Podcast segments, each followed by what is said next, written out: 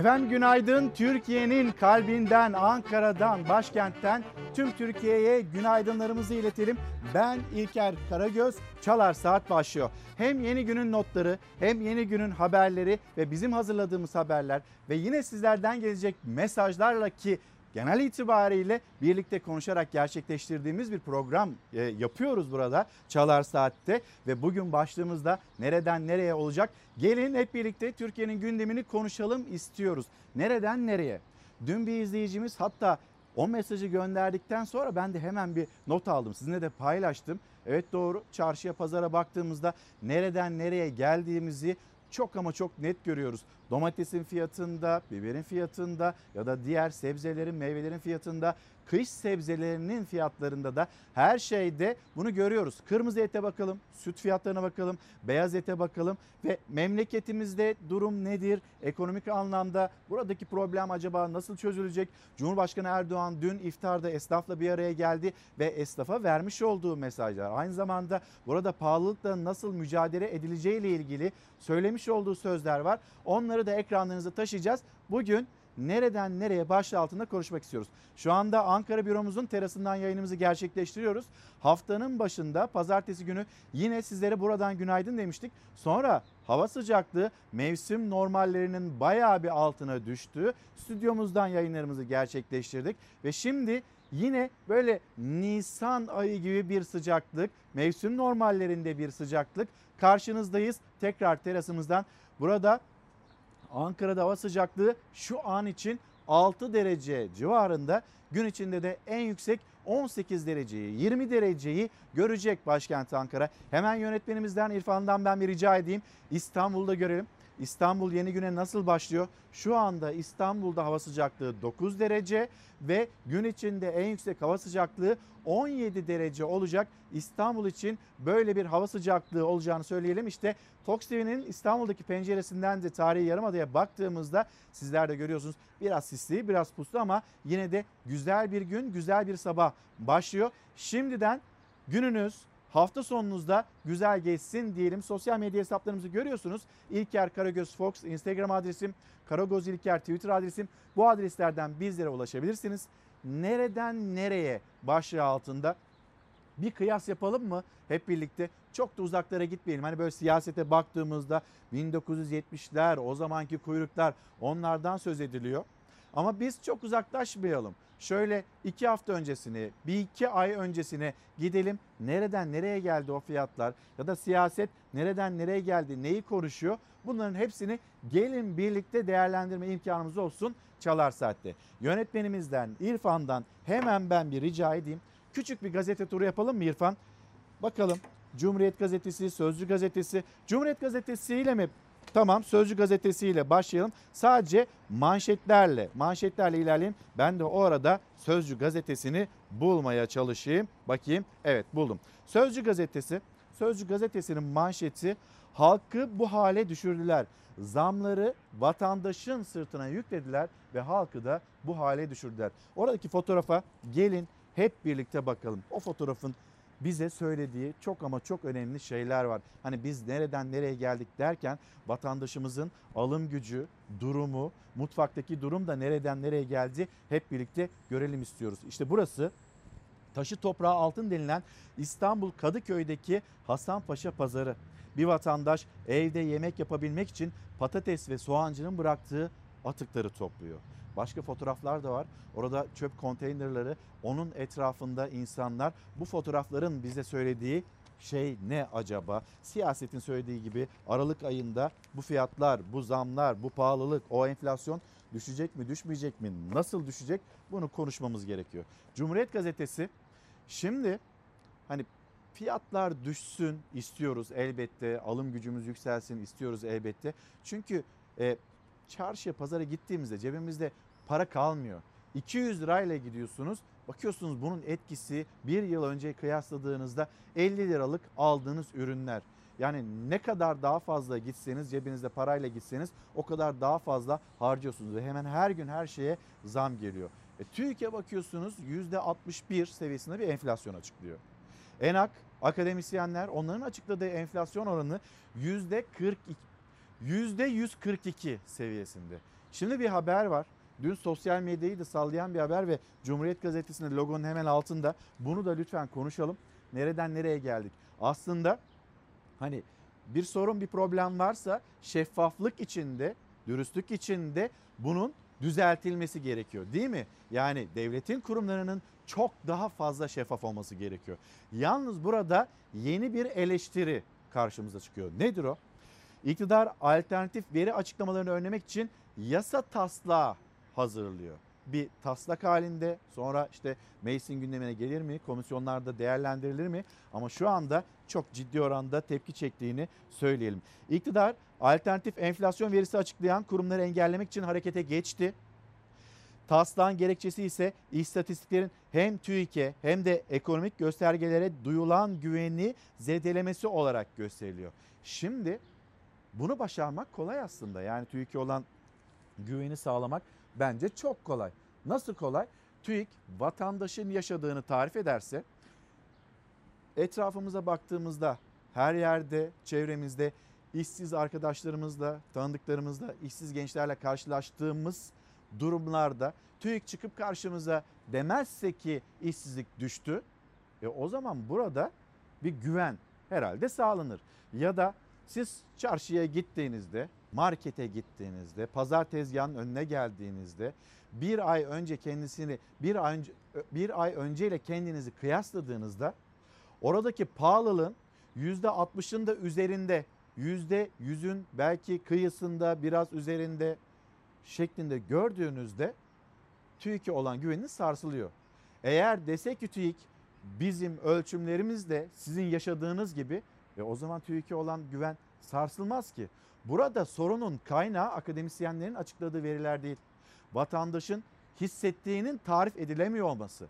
Tarif edilemezken yöneticilerin, yönetenlerin, siyasetçilerin vatandaşa hayır siz aslında yoksul değilsiniz pahalılık da o kadar yok. Siz o kuyrukları ne zannediyorsunuz? Pahalılıktan mı oldu? Hayır onlar bolluktan denilmediği takdirde vatandaşa bu kötü şakalar, bu kötü espriler yapılmadığı takdirde aslında bir güven ortamı oluşacak. Burada güveni zedeleyen, güven ilişkisini bozan ne vatandaş ne de akademisyenler.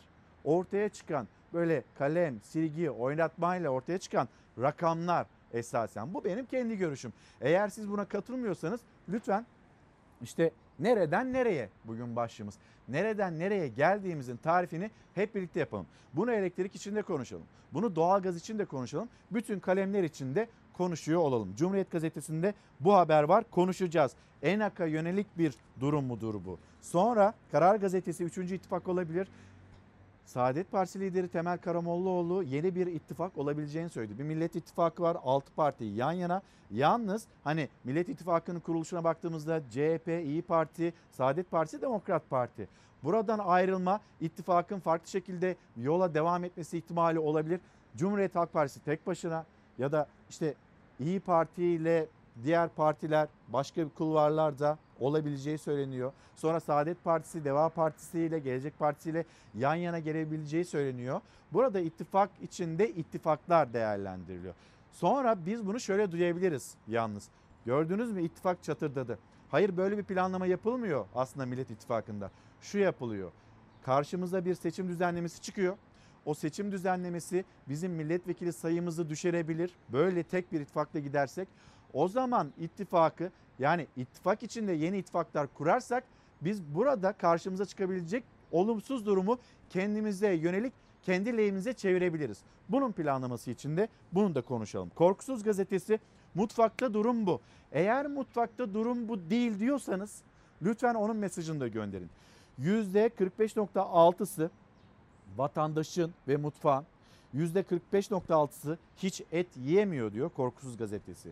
%36.5'i hiç yağ alamıyor. %52'si faturalardan şikayetçi. %35'i kıt kanaat geçiniyor. Eğer durum bu değil diyorsanız lütfen bize mesajlarınızı gönderin.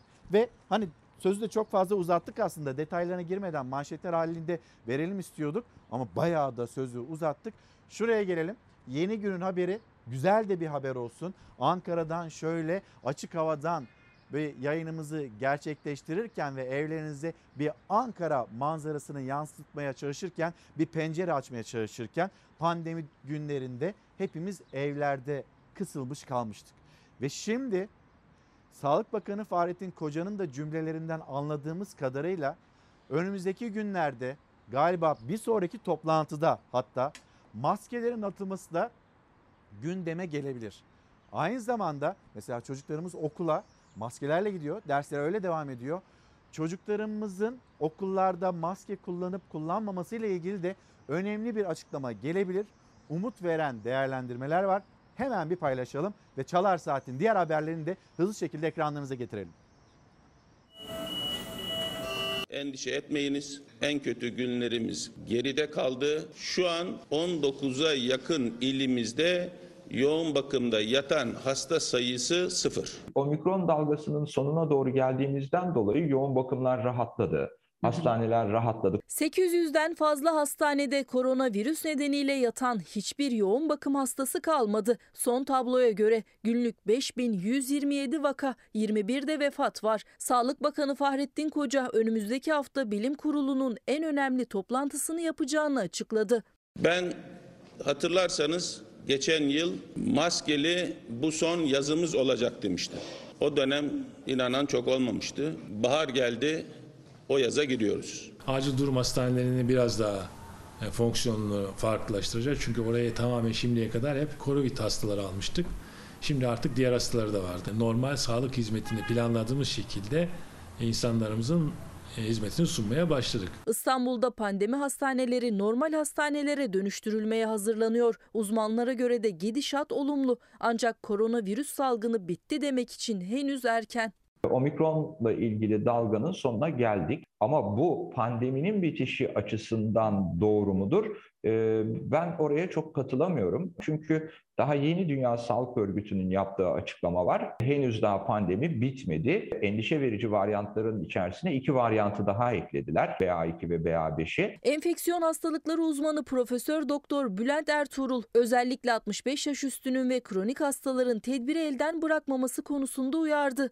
Artık bireysel önlemler ön plana çıktığından toplu bir alana girdiğinizde, kapalı bir ortama girdiğinizde, sosyal mesafenizi koruyamayacağınızı düşündüğünüz bir iletişime gireceğiniz zaman mutlaka ve mutlaka maskenizi kullanın. Zamanı geldiğinde özellikle risk grubundaki insanlara mutlaka aşılarını olmalarını öneririm. Salgında iki yıldan uzun süre geride kaldı. Artık sonunun geldiği konuşulmaya başladı. Ama sağlıkçılar iki yıldır seslerini duyuramadı. Türk Tabipler Birliği sözü verilen ama alamadıkları tüm hakları için Nisan ve Mayıs aylarında da eylemlerini sürdüreceklerini açıkladı. Giderlerse gitsinler denilince hekimlere sahip çıkmayan Sağlık Bakanı bizlere yazdığı kendi mektubuna da sahip çıkamamıştır. Haklarımızı alana kadar mücadeleyi daha da yükselteceğiz. Susmuyoruz, korkmuyoruz, hiçbir yere gitmiyoruz. Bütün Türkiye'ye günaydın derken şu anda siyasetin önemli konularından birisi haline gelen ve zaman zaman da eleştiri konusu olan TÜİK, TÜİK'e de günaydınlarımızı iletelim. Bu arada Adalet Bakanı Bekir Bozdağ'dan bir açıklama var. Cemal Kaşıkçı açıklamasıyla ilgili davasıyla ilgili ve diyor ki Adalet Bakanı Bekir Bozdağ Cemal Kaşıkçı davasıyla dair kanuna uygundur. Burada hani dosyanın RIA'da gönderilmesi kanuna uygundur diyor e, Bekir Bozdağ ve bu bir yargı yetkisinin devri değildir. Davanın düşmesi de değildir. Şimdi elimizde bilgiler, belgeler bir dosya ve biz bu dosyayı failin kim olduğunu biliyoruz demişti Cumhurbaşkanı. AK Parti'den gelen yetkililerden gelen açıklamalar da yine bu şekilde. Ve siyasetin en sıcak konularından birisi bu kuşkusuz. Meclis Genel Kurulu'nda konuşuldu. Hatta önceki Adalet Bakanı Abdülhamit Gül'ün bu dosyayı Riyad'a Suudi Arabistan'a vermek istemediği için istifa ettiği de CHP'li Yunus Emre tarafından iddia edildi. Şimdi eğer Abdülhamit Gül bizim aklımıza gelen sorular onu da paylaşalım da eğer Abdülhamit Gül bu dosyayı Riyad'a e, vermek istemediği için istifa etti ise görevinden ayrıldıysa Yasin Aktay Cemal Kaşıkçı'nın çok yakın arkadaşıydı. O gün nişanlısının hızlıca aradığı AK Partili yetkiliydi. Abdülhamit Gül burada böyle bir istifa resti çektiyse Yasin Aktay acaba AK Parti içinde nasıl durabiliyor? Onun da istifa etmesi gerekmez miydi? Hani aklımıza gelen sorulardan bir tanesi bu. Cemal Kaşıkçı dosyasının gönderilmesi hukukidir, bir yetki devri değildir diyor Adalet Bakanı. Hukuki ama hani o kadar sarf edilen sözler. O sözler niye söylendi? Dünyanın önüne çıkıldı, dünyaya res çekildi, Veliaht Prens'e res çekildi. Şimdi ne oldu? Şimdi ne oldu da o dosya Riyad'a gidiyor? Herkesin merak ettiği bu. Gelelim TÜİK'e günaydın dedik. Yetkililerine de günaydınlarımızı bir kez daha iletelim. Hani burada TÜİK'le ilgili kurumun e, yapısına, açıklamalarına zarar verecek durumlarda kalınırsa hapis cezası gündeme gelebilir. Böyle bir çalışma içinde olduğu bilgisi var. Siyaset yine bunu da konuşuyor, değerlendiriyor. Bizler de konuşalım. Nereden nereye başlığı altında? Cumhurbaşkanı Erdoğan dün esnafla yan yana geldi. Fahiş fiyatlarla ilgili açıklamaları var. Hızlıca ekranlarınızı taşıyalım. Acaba Aralık ayında gerçekten bu fiyatlar düşecek mi? Enflasyon düşecek mi? Daha doğrusu şu. Enflasyon düşünce yapılmış olan zamlar birden pat diye geri çekilmeyecek.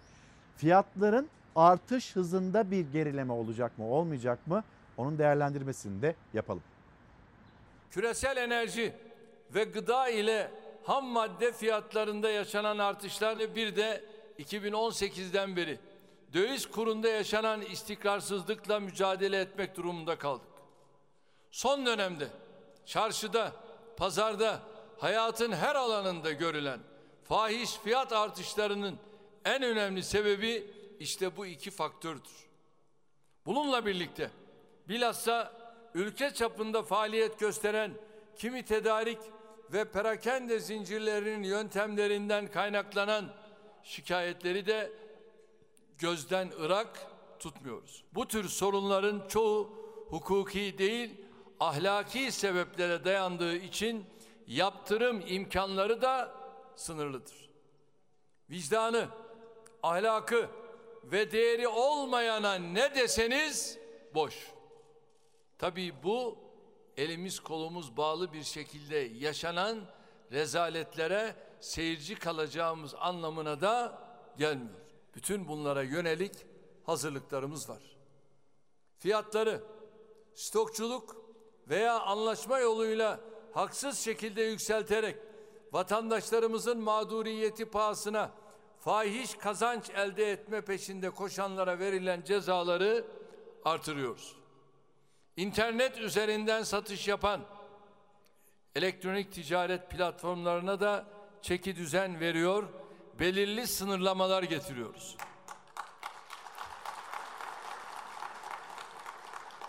Kendi işini kurmak, yaygınlaştırmak, büyütmek isteyen girişimcilerimize verdiğimiz destekleri artırıyor ve genişletiyoruz. Hürriyet gazetesi, Hürriyet gazetesinde de yer alıyor. Cumhurbaşkanı Erdoğan'ın açıklamaları ihracatçı ve turizmciye %9'la kredi müjdesi. Şimdi kredinin bir müjde olması aslında herkes için şaşırtıcı bir durum. Hani hibe olsa bu bir müjde olur da kredinin müjde olması daha fazla şaşırtıyor. Hani diyeceksiniz ki faizler o kadar yüksek ki sabit tutuluyor olsa da faizler yüksek. Şu anda biraz daha aşağı seviyelerden %9'lardan kredi veriliyor olması yine de şu içinde bulunduğumuz durumda bir müjde. Böyle bakın diyorsanız tamam eyvallah. Ama yine de kredinin bir müjde olarak haberleşmesi şaşırtıcı. İrfan sana zahmet Hürriyet gazetesi müjde demiş ya. Bir sabah gazetesine bakalım mı? Sabah gazetesi de müjde dediyse o zaman biz de müjde diyelim. Sabah gazetesi bakalım. Sabah gazetesi müjde dediyse biz de müjde olarak değerlendirelim. İhracat ve turizme 150 milyar liralık kaynak. Hani müjde dememiş Sabah gazetesi. Hürriyet'in dediğini Sabah gazetesi dememiş. Kaynak demiş. Böyle bir kaynak aktarıldığını söylemiş ekonomiye güç verecek yeni teşvik paketini açıkladı. İhracata 100 milyar lira, turizme ise 50 milyar lira uzun vadeli finansman sağlayacağız diyor. Sabah gazetesi Cumhurbaşkanı'nın açıklamasını böyle değerlendiriyor. Müjde demiyor Hürriyet gazetesi gibi. Amiral battı. Hemen ona da bakalım Hürriyet gazetesinden. Rusya'nın e, Karadeniz'deki en güçlü gemisi Moskova dün meydana gelen şiddetli patlamalarla ağır hasar aldı. Ardından battı. Ukrayna biz vurduk dedi. Rusya ise Ukrayna'nın iddialarını doğrulamadı ve hava muhalefeti nedeniyle geminin battığını söyledi. Şimdi burada yaşananlar var. Bir de algıyı yönetme, uluslararası kamuoyunda algıyı yönetme gayreti var. Bunu Ukrayna açısından da görebilirsiniz. Rusya açısından da görebilirsiniz. Ukrayna ben vurdum diyor. Rusya olur mu canım öyle şey? Hava muhalefetinden e, battığını söylüyor amiral gemisinin. Acaba burada savaş Karadeniz'de mi taşınıyor?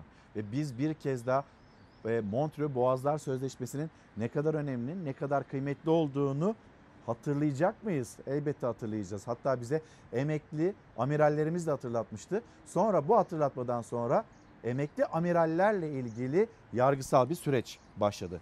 Bir haber daha paylaşalım. Bayramda en uygun seyahat trenle. Bakalım bayramda otobüs, tren ve uçak biletlerinin fiyatları belli oldu. İstanbul'dan otobüste tek yön gidiş 350 liradan başlıyor. Nereye? Uçakla gidiş dönüş en az 1200 lira. En uygunu tren. İstanbul'dan trenle Ankara'ya gidiş dönüş 261.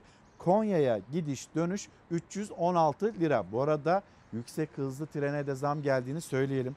Bayramda en uygun seyahat trenle deniliyor haberin başlığında. Sanki Türkiye'nin her yerine trenle gidilebiliyormuş gibi. Önünde sonunda şu olacak. Otobüse binilecek. Aynı zamanda uçaklara binecek. Ulaşımın ne kadar zor olduğunu, ne kadar pahalı olduğunu konuşmak zorundayız. Nereden nereye geldiğini bu fiyatların konuşmak zorundayız. Yeni Çağ Gazetesi'ne de bakalım. Yeni Çağ Gazetesi'nden Meral Akşener, Meral Akşener e, Bursa'daydı. Bursa'da nasıl karşılandı? Esnafla buluştu aslında Meral Akşener ama birden miting ortamı oluştu Bursa'da. Bursa'da Akşener coşkusu, yurt gezileri kapsamında Bursa'ya giden İyi Parti lideri Meral Akşener İnegöl'de kendisini bekleyen coşkulu kalabalığa şöyle hitap etti. Çiftçilik bitti, tarım bitti, vatandaş kuponla ekmek alıyor ayıptır günahtır. Devlet olmanın özelliği görevi aç açık insan bırakmamaktır. Şimdi Meral Akşener bunu söylüyor. Eğer itiraz eden izleyicilerimiz varsa hayır Meral Akşener siyaseten bu cümleleri kuruyor. Çiftçi bitmedi, pahalılık yok. İşte öğrenciler e, iş bulmakta zorluk yaşamıyor. Yurt dışına gidiyorlar çünkü öyle istedikleri için gidiyorlar diyorsanız lütfen bu konuya dair mesajlarınızı da gönderin. Sonra Meral Akşener iftarda da yine Bursalılarla konuştu, Bursalılarla buluştu ve hitap etti onlara. Neler söyledi, hangi mesajları verdi? Buyurun.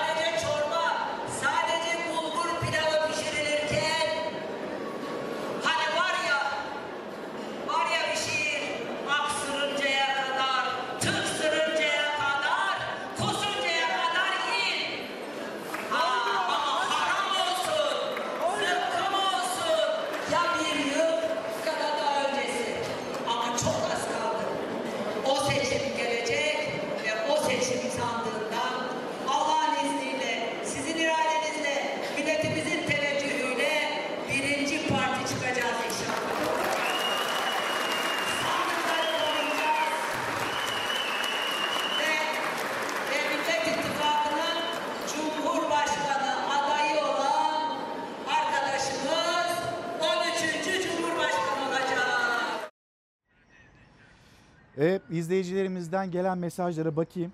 Diyor ki izleyicimiz kim ne derse desin pazara çıktığımda gördüğüm fiyatlar gerçek enflasyondur.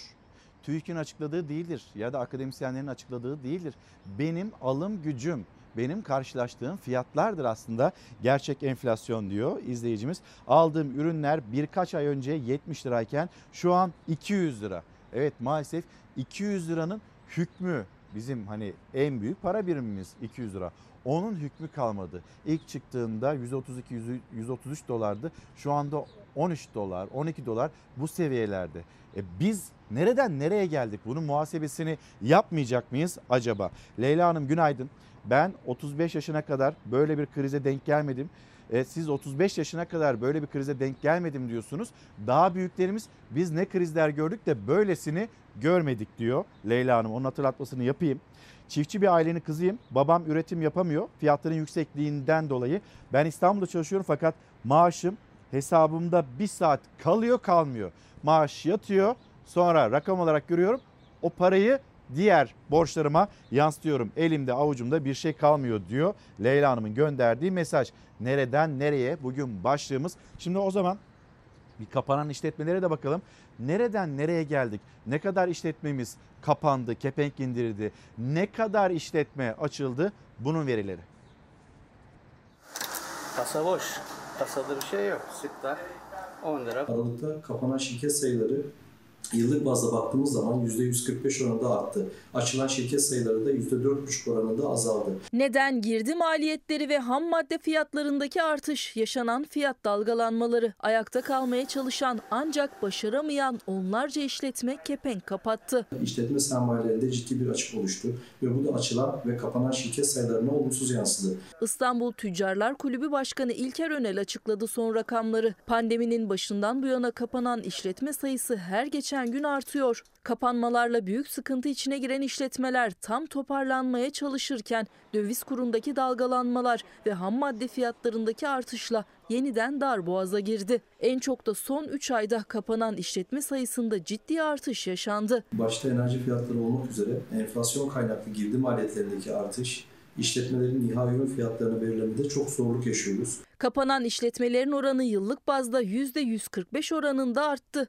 Açılan sayısı ise %4,5 oranında azaldı. Hala ayakta kalmaya çalışanlarsa artan maliyetlere direnmeye çalışıyor. Kısa ve orta vadede istihdam üzerinde olumsuz etkileri göreceğimiz bu gelişmeleri yakından takip etmemiz gerekiyor. Çeşme pazarı korkunç.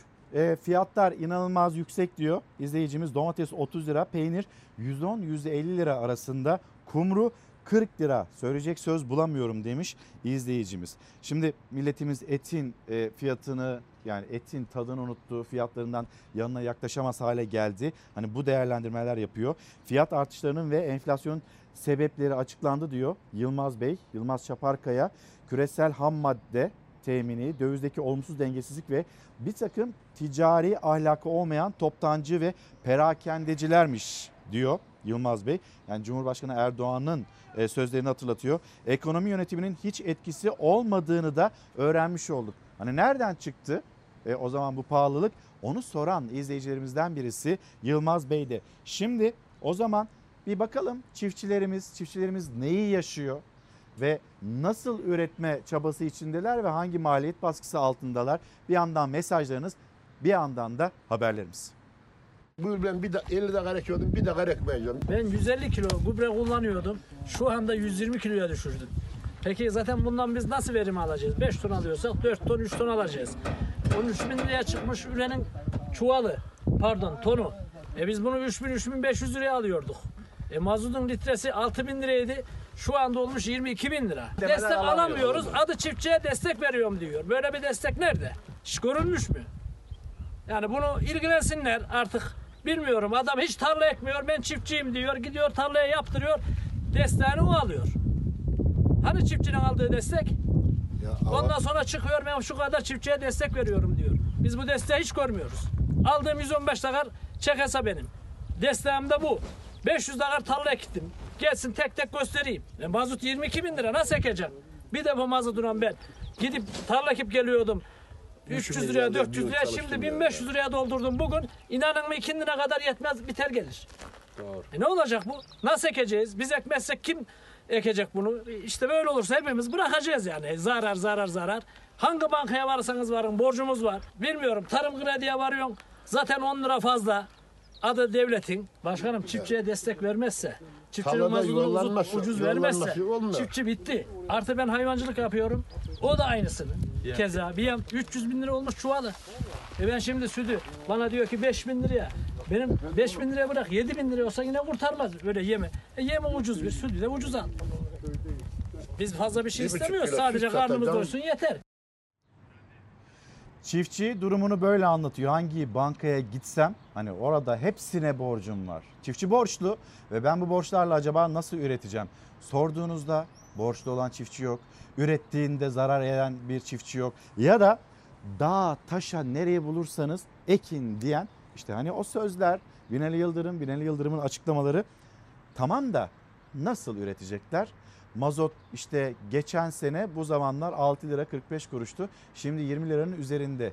Bütün kalemleri geçtik. Mazotta böyle bir durum varken hani üretimin en önemli kaleminde böyle bir fahiş fiyat artışı varken e ne olacak? Şimdi Cumhurbaşkanı fahiş fiyat artışlarıyla mücadele edeceğiz dedi. İşte dünyayı gösterdi. Dünyadaki ekonomik dalgalanmaları gösterdi. Bunun mesela ülkemizde faiz sebep enflasyon sonuçla hiç ilgisi yok mu? İşte karşımıza çıktı o bir kur krizi bir kur sıçraması şeklinde de gördük biz bunu. Bakalım mı hani ekonomideki o sosyal medya paylaşımları faizi Merkez Bankası da sabit tutmuştu. Oradan başlayalım bir ve ne demişti e, Mahfiye Eğilmez? Sonrasında Yalçın Karatepe hocamızın değerlendirmesi neydi? Burada faizin sabit tutulması ile ilgili bir NAS açıklaması vardı Cumhurbaşkanı'nın. NAS böyle söylüyor. Sana bana ne oluyor demişti. Değil mi? E 4 aydır NAS bir şey söylemiyor mu eleştirileri de yine hükümete yöneltiliyor. 4 aydır faiz sabit tutuluyor. Şimdi bakalım önemli bir veriyi paylaşıyor çünkü Mahfiye Eğilmez. Merkez Bankası politika faizini değiştirmedi. %14'te sabit tuttu. Faizi %19'dan indirmeye başladığında enflasyon dikkat edin %19.58'de Aralık'ta %14'e düştüğünde enflasyon %36.08'e yükselmişti. O zamandan beri faiz %14'te duruyor. Enflasyonsa %61.14'e yükselmiş bulunuyor. Başka bir diyeceğim yok. Faiz sebep, enflasyon sonuç deniliyor ama işte faiz %14, enflasyon Aralık ayından beri aslında faiz %14. Enflasyon aydan aya nasıl yükseldi? Yalçın Hoca, Profesör Doktor Yalçın Karatepe, enflasyonun küresel barış ortamının yeniden tesis edilmesiyle düşeceğini söyleyen Merkez Bankası, enflasyonla mücadelede Dışişleri Bakanlığı'nı göreve mi çağırdı? Merkez Bankası'nın elinde hiç enstrüman kalmadı mı? Mesela bir daha kur şoku olsa biz ne yapacağız? Merkez Bankası diyorlardı ya şak diye bir 10 milyar dolar satarsın şaşırır herkes. Sonra bir 10 milyar dolar da satarsın piyasalar rahatlar. Var mı 10 milyar dolar? Bunu da sormuş olalım. Yalçın Karatepe bu meseleyi galiba Dışişleri Bakanlığı çözecek diyor. O zaman hani bu pahalılık kısmına gelmişken iki hatırlatma da yapalım Ali Ekber Yıldırım'dan tarım yazarından. Birisi şu tereyağı ihracatı yasaklandı. Tarım ve Orman Bakanlığı Gıda ve Kontrol Genel Müdürlüğü Kuzey Kıbrıs, Azerbaycan, Özerk, Nahçıvan Cumhuriyeti, Filistin e, dahilde işleme rejimi dışında tereyağı ihracatını kısıtlamala e, bir kısıtlama getirdiğini, bir yasaklama getirdiğini hatırlatıyor. Ayrıca yeme yine zam var. Hani biz mazot fiyatları ne kadar yüksek derken yem fiyatlarına gelen gübreye gelen zamlardan söz ederken işte yeme yeniden zam geldi. Ali Ekber Yıldırım yazmış. Tarım Kredi Kooperatifleri 10 Mart 2022'den bu yana yeme 3. kez zam yaptı. 10 Mart 2022'de sığır süt e, yeminin 50 kiloluk çuvalı 208 liraydı. Bugün 230 lira oldu. Şimdi birisini suçlayalım. Tedarikçiler, perakendeciler kim yapıyorsa yalnız hani burada bir problem var. Sadece onlardan kaynaklanmıyor olabilir mi acaba? Yani sürekli o yapıyor pahalılığı. Bizimle alakası yok. Onlar yapıyor diyerek bir yere varamıyoruz. İşte hemen her gün zam geliyor. Yeme yine zam geldi diyor Ali Ekber Yıldırım. Sığır besi yemi 201 liradan 223 liraya çıktı. Kuzu besi yemi 227 liraydı. 253 lira oldu Ali Ekber Yıldırım'ın hatırlatması. Şimdi sizleri Trabzon'a götüreceğiz. Trabzon'dan yine çarpıcı dikkat etmemiz gereken yerel yetkililerin dikkat etmesi gereken bir haber.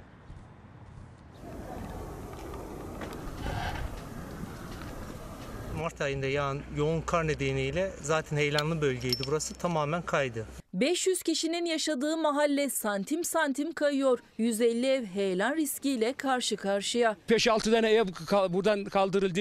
E, e, Yaylan mezeresine o kışta kıyamet.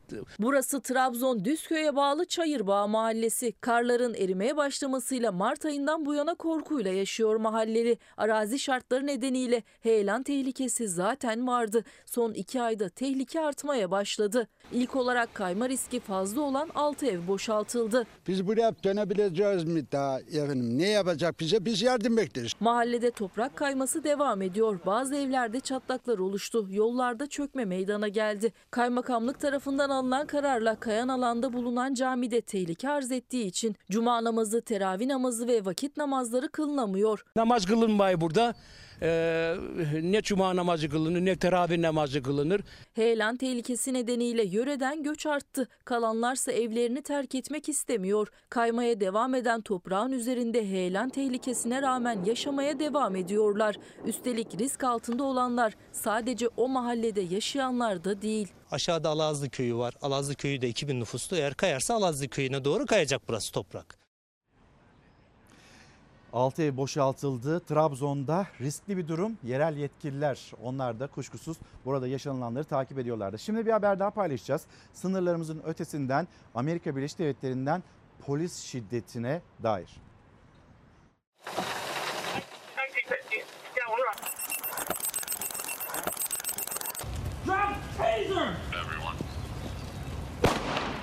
ABD polisi kendisine direnen silahsız siyahi genci başından vurarak öldürdü. New York'ta metroya silahlı saldırı düzenleyen şüpheli ise 30 saat sonra yakalandı. Amerika Birleşik Devletleri New York metrosundaki silahlı saldırı sonrası ortaya çıkan polis şiddeti görüntüleriyle sarsıldı. Michigan eyaletinde bir polis yolda otomobiliyle giden 26 yaşındaki siyahi genç Patrick Lioya'yı çevirdi. Do you have a driver's license? Do you speak English? Yes. Can I see your license? What do you want? The plate doesn't belong on this car. Do you have a license or no? Genç ehliyetini vermedi, polisin onu yakalamak istemesine karşı kaçmaya başladı. Stop. Put your hands right. Stop.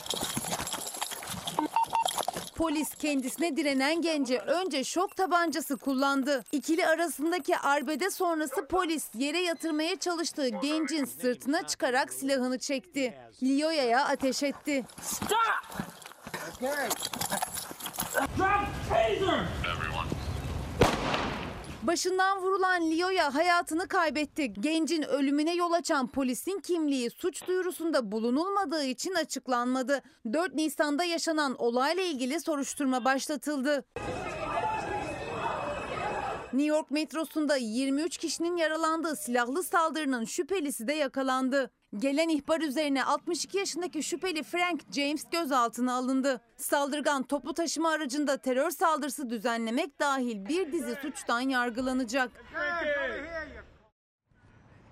İnsanların gerçekle ilişkisi aslında kesilmeye çalışılıyor. Bunu her yerde görüyorsunuz.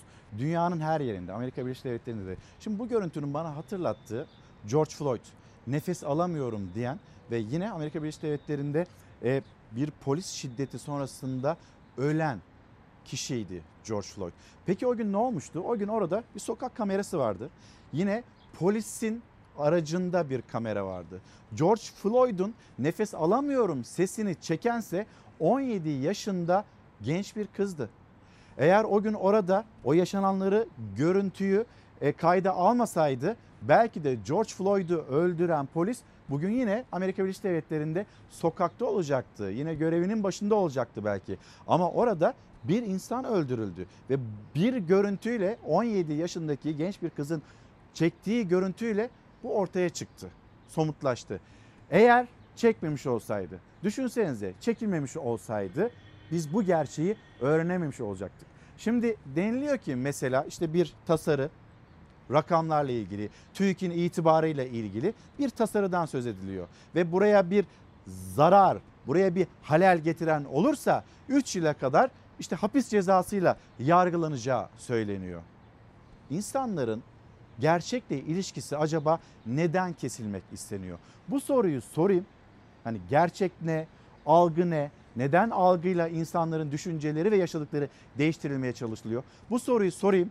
Reklamlara gidelim. Döndüğümüzde hep birlikte birlikte tartışalım lütfen. Efendim günaydın bir kez daha Çalar Saat'te devam ediyoruz. Az önce Fox TV'nin çatısındaydık. Penceresini de yine e, Fox TV'nin penceresini de yine İstanbul'dan açmıştık. Ve şimdi aşağı indik stüdyomuza geri döndük. Misafirlerimiz var. Yukarıda çatıda da kendisini üşütmek istemiyoruz misafirimizi. Şimdi bir hatırlatma devam edelim. E, Ramazan bağışlarınızla, fitre ve zekatlarınızla önce çocuklarınız iyileşsin. LÖSEV, LÖSEV'in çağrısı bir onu göstermiş olayım. Aynı zamanda Herkese Kitap Vakfı kurucu genel başkanı Bülent Şenver'e teşekkür edelim. Kitap hediye günü e, her yıl Nisan ayının 3. pazar günü ve bizim adımıza Ağrı Tanıktepe Köyü İlkokulu Kütüphanesi'ne 100 kitap bağışlamışlar. 100 adet kitap bağışlamışlar. Onu da gösterelim. Çok ama çok sağ olun. Teşekkür ederiz kendilerine. Şimdi yavaş yavaş tekrar Türkiye'nin gündemine geri dönelim. Türkiye'nin gündemini konuşurken aynı zamanda bir soruyla reklamlara gitmiştik. Neydi o soru? Gerçek ile bağ acaba neden kopartılmak istenir? Buradaki hedef nedir, amaç nedir? Lütfen bunu birlikte konuşalım, birlikte tartışalım. Nereden geldik buraya? Buraya TÜİK'in açıkladığı veriler, TÜİK'in açıkladığı verilere oluşan inançsızlık, hani o verilere duyulmayan güven ve sonra TÜİK'in açıkladığı verilerin ötesinde veri açıklayanlara 3 yıla kadar hapis cezası verilebileceği yönünde bir çalışma, kanun çalışması. Tamam da neden bir gerçekle bağ kopartılmak istenir? Eğer gerçekse TÜİK'in açıkladığı neden ortada farklı bir güvensizlik vardır? Bunu hep birlikte değerlendirelim istiyoruz. Nereden nereye başlığı altında da konuşuyoruz sizlerle. Şimdi sıcak bir haberle devam edeceğiz. İstanbul Sarıyer'den İstanbul Sarıyer'de İnşaat demir yüklü bir tır gece kondunun üzerine devrildi. Sabahın erken saatlerinde bu sıcak haber ve detaylarını paylaşalım. Diğer haberlerimizi de ekranlarınıza birer birer getirelim.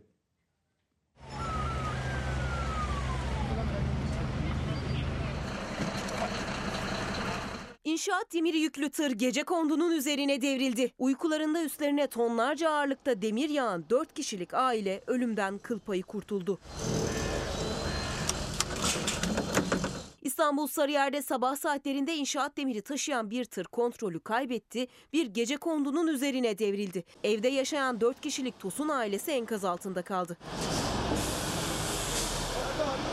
Hızla müdahale eden ekipler aileyi enkaz altından çıkardı. Tır şoförü de yaralı. Yaralılar hastanede tedavi altına alındı. Ekiplerin enkaz kaldırma çalışmaları devam ediyor.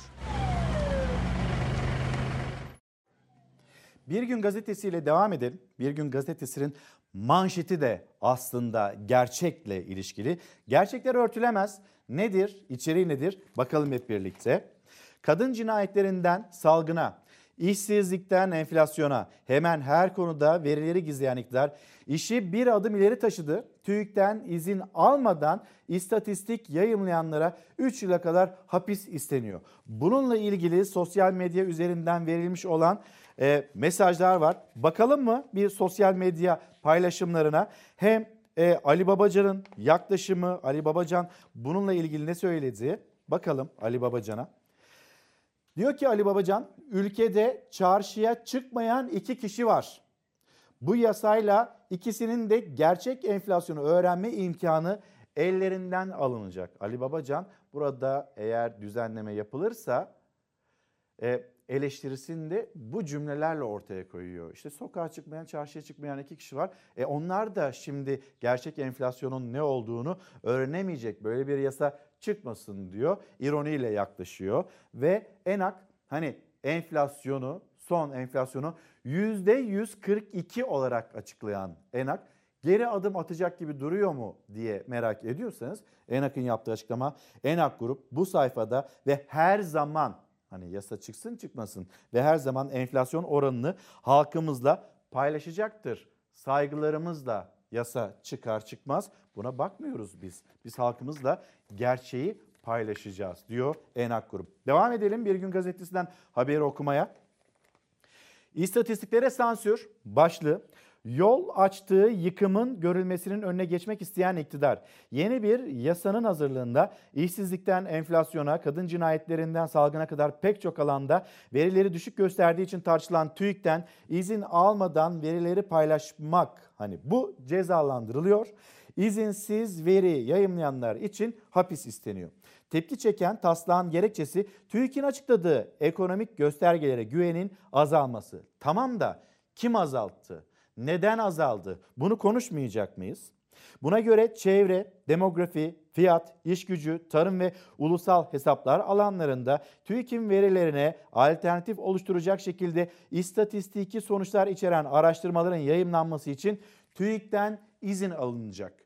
TÜİK'ten mesela izinden önce şöyle yapılsa TÜİK o rakamları nereden alıyor, hangi marketten alıyor, nasıl bir derleme içinde bunu bir anlatı verse belki herkesin güveni de tazelenmiş olacak. Ya da şunu yapsaydı bence büyük de bir fırsatı da kaçırdı. TÜİK kapısının önüne kadar geldi. Hesap uzmanı kendisi, ana muhalefet lideri Kemal Kılıçdaroğlu kapısının önüne kadar geldi. Kemal Kılıçdaroğlu'na randevunuz yok ki denilip geri çevrilmemiş olsaydı kapıdan, TÜİK'in kapısından ve içeriye bürokratlara ben biz bunu böyle hesaplıyoruz. Hesaplama yöntemimiz bu, şu vesaire anlatılmış olsaydı ikna edilmeye de hani hazır bir toplumuz biz. Bizlere anlatıldığında makulse, mantıklıysa biz de anlama gayreti içinde oluruz. Anlatılmadı. Kılıçdaroğlu geri çevrildi. Burada böyle bir yol yöntem izlendi. Yani şeffaf davranılmadı. Sonra da TÜİK'in açıkladığı veriler bizden izin almadan veri paylaşamazsınız. 3 yıla kadar da hapiste yargılanırsınız yaklaşımı. Şu mu oluşturulmak isteniyor? Yani insanların gerçekle bağı acaba neden kopartılmak istenir? Şu mu oluşturulmak isteniyor? Bir hani genel bir bakış açısı, genel bir ortam, hakim bir yaklaşım mı oluşturulmak isteniyor? O hakim yaklaşım sonra kendinize yakın olan medya ile, yayın organlarıyla, işte bazı yayın organları az önce gösterdim, krediye müjde diyen yayın organlarıyla genel bir hakim bakış açısı mı oluşturulmak isteniyor? Bunu bir soralım. Sonra hani herkesin de bu açıklamalara inanması bekleniyor herhalde. İyi de vatandaş bakıyor cebine. Sen aslında yoksul değilsin denildiğinde e bakıyor cebine. Yastık altındaki altınlarınızı getirin denildiğinde bakıyor yastık altına. Ne altın var ne başka bir şey var. Yoksul değilsiniz denildiğinde bakiyesine bakıyor. E yok para. Markete gidiyor. Markete gittiğinde alım gücünün ne kadar düştüğünü de görüyor. Siz ne söylerseniz söyleyin. Aslında karşısına gerçek vatandaşın çıkıyor. Siz gerçeğin duyulmamasını istiyorsunuz. Hakim bir ses ya da tek ses oluşturmak istiyorsunuz ama Hani öyle bir yaklaşım varsa ama vatandaş bunu görüyor ve yaşıyor. Devam edelim. Hani nereden nereye başlığı altında konuşmaya ben o soruyu bir kez daha sorayım. Gerçekle acaba bağ neden kopartılmak istenir? Bu soruyu soralım. Birlikte tartışarak, tartışarak ilerleyelim. Bir memleket havası deyip de diğer haberlerimize geçiş yapalım. Bugün mevsim normallerinde hava ama gün gün yeniden düşüşe geçecek sıcaklık. Azalacak, yağmur alan bölge sayısı artacak. Meteoroloji hala soğuk ve yer yer kar yağışlı olan Doğu Anadolu'yu uyarıyor. Bazı illerde erimeler başladı. Bu nedenle sel baskınları yaşanabilir, çığ düşebilir. Dikkatli ve tedbirli olunmalı. Bugün Orta Karadeniz yağmurlu, İç Anadolu'nun kuzeyi parçalı bulutlu, Doğu Anadolu'nun kuzey kesimleri puslu. Ancak tüm yurtta hava ılık, sıcaklık mevsim normallerinde. Ancak uzun sürmeyecek yazı hazırlık yapılan günler yarından itibaren yeniden düşmeye başlıyor hava sıcaklığı. Önce yurdun batısını etkisi altına alacak yağmur. Ardından Doğu Anadolu hariç bütün yurtta etkili olacak. En hissedilir sıcaklık düşüşü Marmara bölgesinde yaşanacak. Diğer yerlerde çok belirgin bir sıcaklık değişikliği beklenmiyor. Şimdi bülten sorumlumuz Öznur Turoğluoğlu Seyhan'la da konuşuyoruz, tartışıyoruz. Kulağımda da sesi var. Ya şöyle olsaydı Enak %142 diye açıklamasaydı, %20 diye açıklasaydı o enflasyon verilerini ya da %1 deseydi ya da hiç enflasyon yok, hayat pahalılığı artış yok deseydi böyle bir düzenlemeye gidilir miydi diye soruyor. Neden böyle bir düzenleme gereksinimi duydu? Ee, hakim söylemin dışında bir cümle. Hayır öyle değil aslında böyle %142 enflasyon denilmesine niye tepki gösteriliyor? Onu anlamaya çalışıyoruz. Gerçekle bağ neden kopuyor, kopartılıyor. Şimdi Bir Gün Gazetesi'nde yer alıyor. Onları da tamamlayalım. Emeklerimiz var. Emekler haklar için yürüyecekler. Ekonomik krizin e, dişlileri arasında un ufak edilen emekliler bugün talepleri için yollara düşüyor. Büyük miting ise yarın gerçekleşecek. Bu bilgiyi paylaşalım. Yine Bir Gün Gazetesi'nden faiz sabit tutulsa da diye bir haber var. Yani faizle ilgili haberimizi ya da yorumları paylaşmıştık. Faiz sabit tutulsa da zamlar gelmeye devam ediyor. E hani faiz sebep enflasyon sonuç. Enflasyonun işte pahalılığın artış hızı düşecekti faiz düş, düştükçe. E ne oldu? E olmadı. Bir gün gazetesinden diğer gazeteleri de geçiş yapalım. İstersen bir e, Karar Gazetesi'ne gidelim İrfan. Üçüncü ittifak olabilir. Burada nereden çıktı? Ona da bir bakalım. Yeni bir seçim yasası düzenlemesi. Saadet Partisi lideri Temel Karamollaoğlu bunu söyledi. Siyasette Millet İttifakı'nda yeni bir konu, yeni bir başlık. İttifak tartışmalarının ısındığı süreçte dikkat çeken açıklamalarda bulunan Karamollaoğlu seçim kanunuyla şartlar değişti. Bunu ilk kez söylüyorum. Üçüncü ittifak olabilir dedi. Hükümet kanadından gelen muhalefet adayını açıklasın çağrılarına Altılı Masa'nın adayı için henüz erken hiçbir parti 14 ay önceden isim, isim açıklamaz sözleriyle kapıyı da kapattı. Hatta topu bir yandan da AK Parti attı. AK Parti AK Parti'nin acaba Cumhurbaşkanı adayı kim? Siyaset bir yandan da bunu soruyor. Millet İttifakı bir yandan da bunu soruyor. Şimdi bir CHP kendi içinde seçime gidebilir hani ittifak, üçüncü bir ittifak nasıl olabilir diye seçenekler değerlendirildiğinde CHP ayrı, İyi Parti Demokrat Parti ayrı, DEVA, Saadet Partisi ve Gelecek Partisi ayrı. Böyle değerlendirmeler var. Bunlar birbirinden kopuk ve hani ittifakı dağıtma hamlesi mi? Hayır. ittifak içinde ittifak olarak değerlendiriliyor. Ne kadar daha fazla milletvekili çıkartılabilir?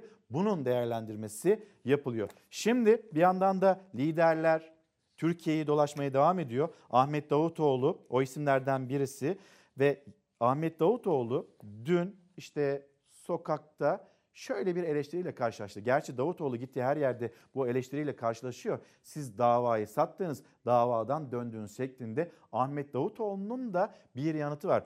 Dün sosyal medyada gördüğümüz haberlerden bir tanesiydi. Gerçek Gündem sitesinde karşılaştım ben de. Ahmet Davutoğlu kendisine yöneltilen eleştiriye ateş püskürdü ve milyarlarıma milyar katardım dedi. Bir ismi ve aynı zamanda kabineyi de işaret etti Ahmet Davutoğlu. Ne söyledi? Bir ona bakalım.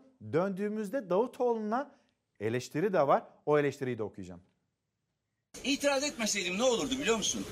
Benim başbakanlığım falan olma, e, elimden gitmezdi. Otururdum, milyarlarıma milyar katardım benden sonraki başbakan gibi. Milyarlarıma milyar katardım benden sonraki bakanlar gibi. Bir kuruş haram lokma yemedim. Onlara da haram lokma yemeyin dedim. Yediler. Çevrelerini zengin ettiler. Damadını bakan yaptı. Akrabalarını zengin etti. Beş tane müteahhide Türkiye'yi peşkeş çekti. Sen de bana diyor musun? Sen hocasın, sus mu diyorsun?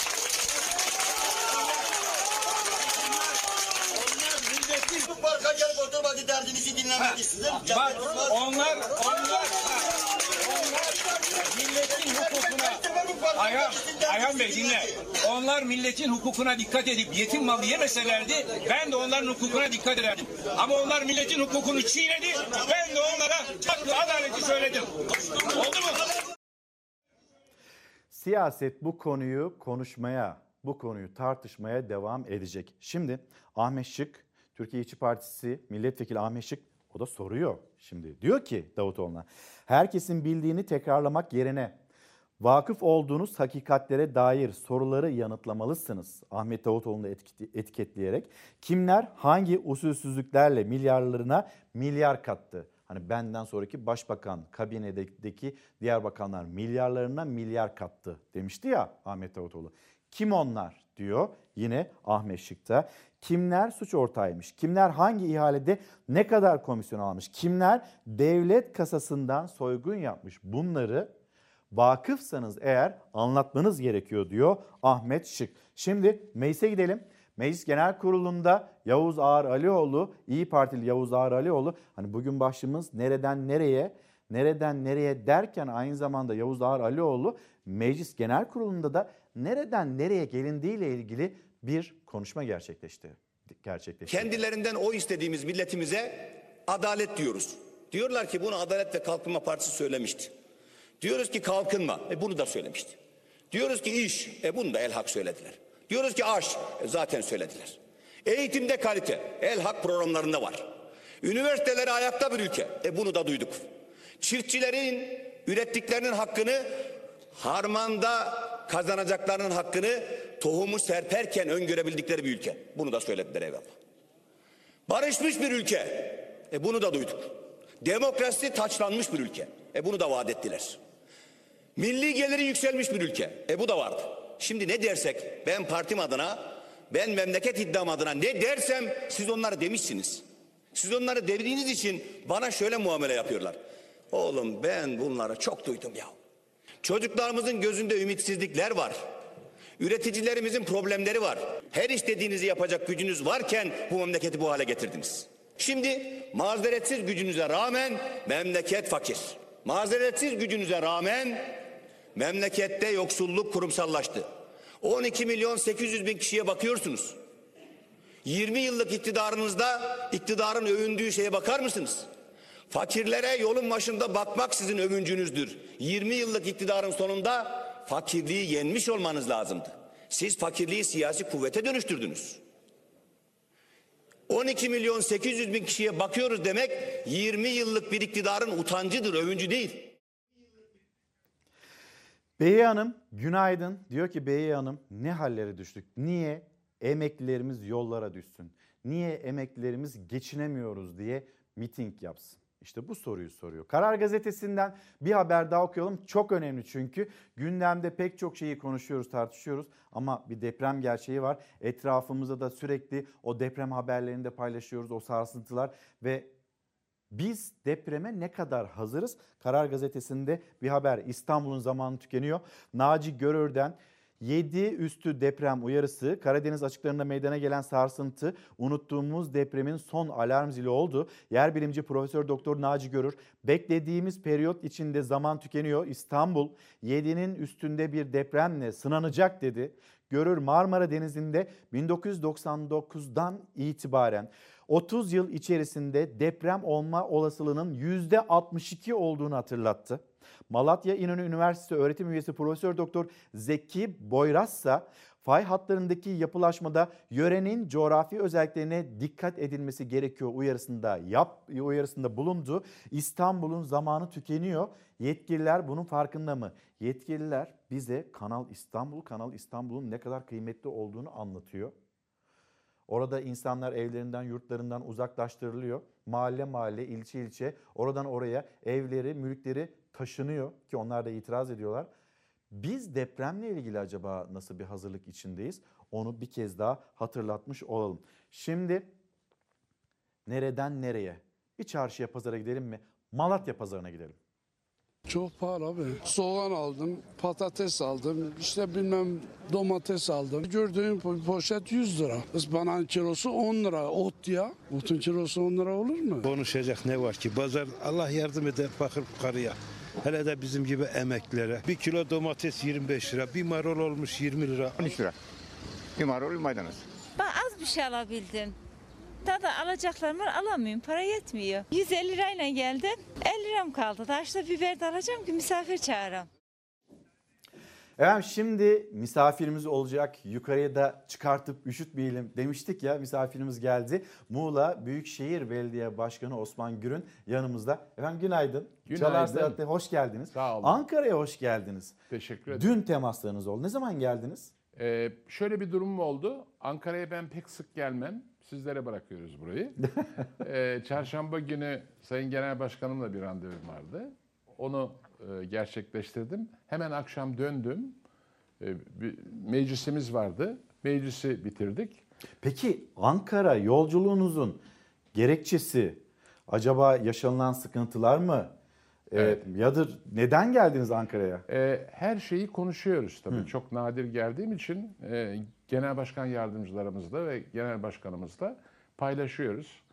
E, ve Muğla ile ilgili gene özel ama Türkiye genelinde de e, gördüğümüz, düşündüğümüz, e, eğer öğrenmek istedikleri herhangi bir bilgi varsa da onları veriyoruz, paylaşıyoruz. Çünkü Hemen bizim merak, ha, özür dilerim. Buyurun. Ee, bizim merak ettiğimiz konular var. Yani sizin kendi e, alanınızda. Bakıyoruz böyle İzmir'de yaşanılan sorunlar var, İstanbul'da yaşanılan sorunlar var, pahalılık var, suya gelen zam var, yola gelen zam var. Onları haberleştiriyoruz. Siz de mesela işte Muğla'da zam yaptınız. Zam yapıldığı için eleştirilere de e, maruz kalıyorsunuz. Şimdi hem zamları konuşalım. Daha da hani önemlisi orman yangınları. Geçen sene canımız yandı, Evet. ciğerimiz yandı. Orada ormanlarımızı kaybettik. Aynı zamanda ormandaki canlıları kaybettik. Biz acaba hazır mıyız? Ne yaptık? Bu sene nasıl bir hazırlık içinde? Ee, hem Türk Hava Kurumu ya da bir e, uçak ihalesi yapıldı mı? Size bunun bilgisi verildi mi? O orman yangınları sırasında siz şunu söylemiştiniz. Ya ben Türk Hava Kurumu'nu aradım. Evet. Kimse karşıma çıkmadı. Evet. Bunları da konuşmak istiyoruz Lütfen, sizinle. lütfen. E başka konular da var. Şimdi mesela isterseniz bir haberimiz var. Öğrenci ulaşımı bu İstanbul'un konusu, İstanbul'un meselesi. Evet. E, haberi bir paylaşalım. Sizde durum ne? Bir pahalılığa geçmek istiyoruz. Vatandaş ne durumda? Muğla'da ne durumda? Bu arada hani kiralardan, o villaların kiralarından da söz ediliyor. İnanılmaz artmış. Muğla'daki durumu da sorayım size. Bir İstanbul'a gidelim, Muğla'ya geri dönelim. Buyurun. Bizim buramıza geldi. İnanın artık kaldıramıyoruz. İstanbul'da %40'lık ulaşım zammı en çok öğrencileri etkilemişti. Tepkilerin ardından zam kararı geri çekildi. Kararın İstanbullu genç kardeşlerimize, öğrencilerimize hayırlı uğurlu olmasını temenni ediyorum. Kabul edenler, etmeyenler oy çokluğuyla kabul edilmiştir. İstanbul Büyükşehir Belediye Meclisi'nde alınan zam kararı tüm İstanbulluların olduğu gibi öğrencilerin de bütçesini sarstı. İndirimli tarifeden ödedikleri aylık abonman ücreti 78 liraydı, 109 liraya çıktı. Öğrenciler %40'lık zammın geri çekilmesi için defalarca eylem yaptı. İstanbul Büyükşehir Belediye Meclisi'nin AK Parti ve MHP grubu da öğrencilerin zamdan muaf tutulması için teklif verdi. Ve yüz binlerce öğrencinin merakla beklediği karar çıktı. Mecliste %40'lık zammın öğrencilere yansıyan bölümünün belediye tarafından karşılanması oy çokluğuyla kabul edildi. İmamoğlu kararı veto edeceğini söyledi. Tabii ki veto edeceğim. Öğrencilere bir müjde de başkentten geldi. Ankara Büyükşehir Belediye Başkanı Mansur Yavaş, öğrenci abonman kartlarının EGO bünyesindeki toplu ulaşım araçlarından sonra başkent rayda da kullanılabileceğini duyurdu. Bu zamlarla yaşanmaz. Zamlar geri alınsın. Bolu Abant İzzet Baysal Üniversitesi öğrencileri de Bolu Belediye Meclisi'nin öğrenci ulaşım ücretlerini 3 lira 75 kuruştan 5 liraya yükseltmesini protesto etti. Öğrenciler zamların geri alınmasını istedi. Bolu Abant İzzet Baysal Üniversitesi öğrencileri olarak zamların geri alınmasını ve ulaşım imkanlarının genişletilmesini talep ediyoruz. Müşteri değil, öğrenciyiz. İstanbul'da e, öğrenciler tabii ki haliyle pahalılığa itiraz ediyorlar. Bununla ilgili bir sosyal medya paylaşımı da var. Ekrem İmamoğlu'nun ona da bakalım Sayın Osman Gürün'le yani misafirimizle birlikte Ekrem İmamoğlu diyor ki mazot 6 lirayken ve belediye de sizdeyken 85 liraya öğrenci kartı satıyordunuz. Şimdi mazot 20 lira olmuş. Ha bu arada 85 lirayken biz göreve geldiğimizde 40 liraya düşürdük diyor Ekrem İmamoğlu. Şimdi mazot 20 lira olmuş. Öğrenci kartını 78 liraya satın diyorsunuz. Bu nasıl bir tezat? Şimdi gelelim efendim hani pahalılığın belediyeye e, etkisi, sizin işte hizmetlerinize etkisi nasıl? Siz nereye Evet. yönlendiriyorsunuz hizmetlerinizi? Birebir e, en fazla hisseden, hisseden kurumlardan birisiyiz belediyeler olarak. Çünkü biz merkezi hükümetin bize ayırmış olduğu paylardan e, gelirini alan ama hiçbir şekilde meydana gelen pahalılık, mazotun yükselmesi, emtianın yükselmesiyle ilgili hiçbir özel avantajımızın olmadığı bir alan. Dolayısıyla biz birebir etkileniyoruz. Mesela mazotla e, ulaşımda giderleri gördüğümüzde iki mislinden fazla giderlerimiz artmış. Yani size bir yolculuğun maliyeti ne kadar? Ee, Bunun bir rakamı vardır. 11 11 nokta e, küsür. E, biz şu anda 6 nokta küsurla şey yap. Küsuratı özellikle Anladım. şey yapıyorum. 6 nokta küsür alıyoruz ama maliyet e, 11 nokta küsür. Bu haldeyiz. Yani arttırmaya çalıştığımız ufak tefek zamlarla gelebildiğimiz nokta bu.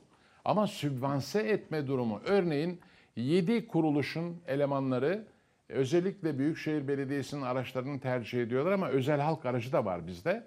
Ee, ücretsiz taşınma ile ilgili bize genelgeyle bunları ücretsiz taşıyacaksınız diyorlar. Ama böyle ben benim üstümden bir ücretsizlik yaratmaya gerek yok. Ücretsiz taşırım. Siz de onun ücretini verirsiniz. 65 yaşta olduğu gibi. 65 yaşta eğer siz onları ücretsiz taşıma ile ilgili bir politika uygulayacaksınız tabii ama onun taşıma ücretinin karşılığını bakanlık olarak tamamen verilmesi lazım. Kaynak yönetiminiz bayağı sarsıldı o zaman bu E tabii, pahalılıklarla. yani her şeyle ilgili. Mesela bir ihaleye çıkıyorum, ihaleye girmiyorlar. Çünkü fiyat artışlarındaki durum 3 ay sonra 4 ay sonra ne olacağını bilmediği için hesabını yapamıyor. O zaman iş kalıyor. İş kalıyor. Artı mevcut işi almış olanlar işi bırakmayla ilgili eğilim içerisindeler. Çünkü ben daha da sabredersem daha çok zararı görürüm. Zararın nereden dönülürse kar diyor. Yani neyin ne olduğu bir stabilite yok. Labil bir durumdayız. Her şey olabilir.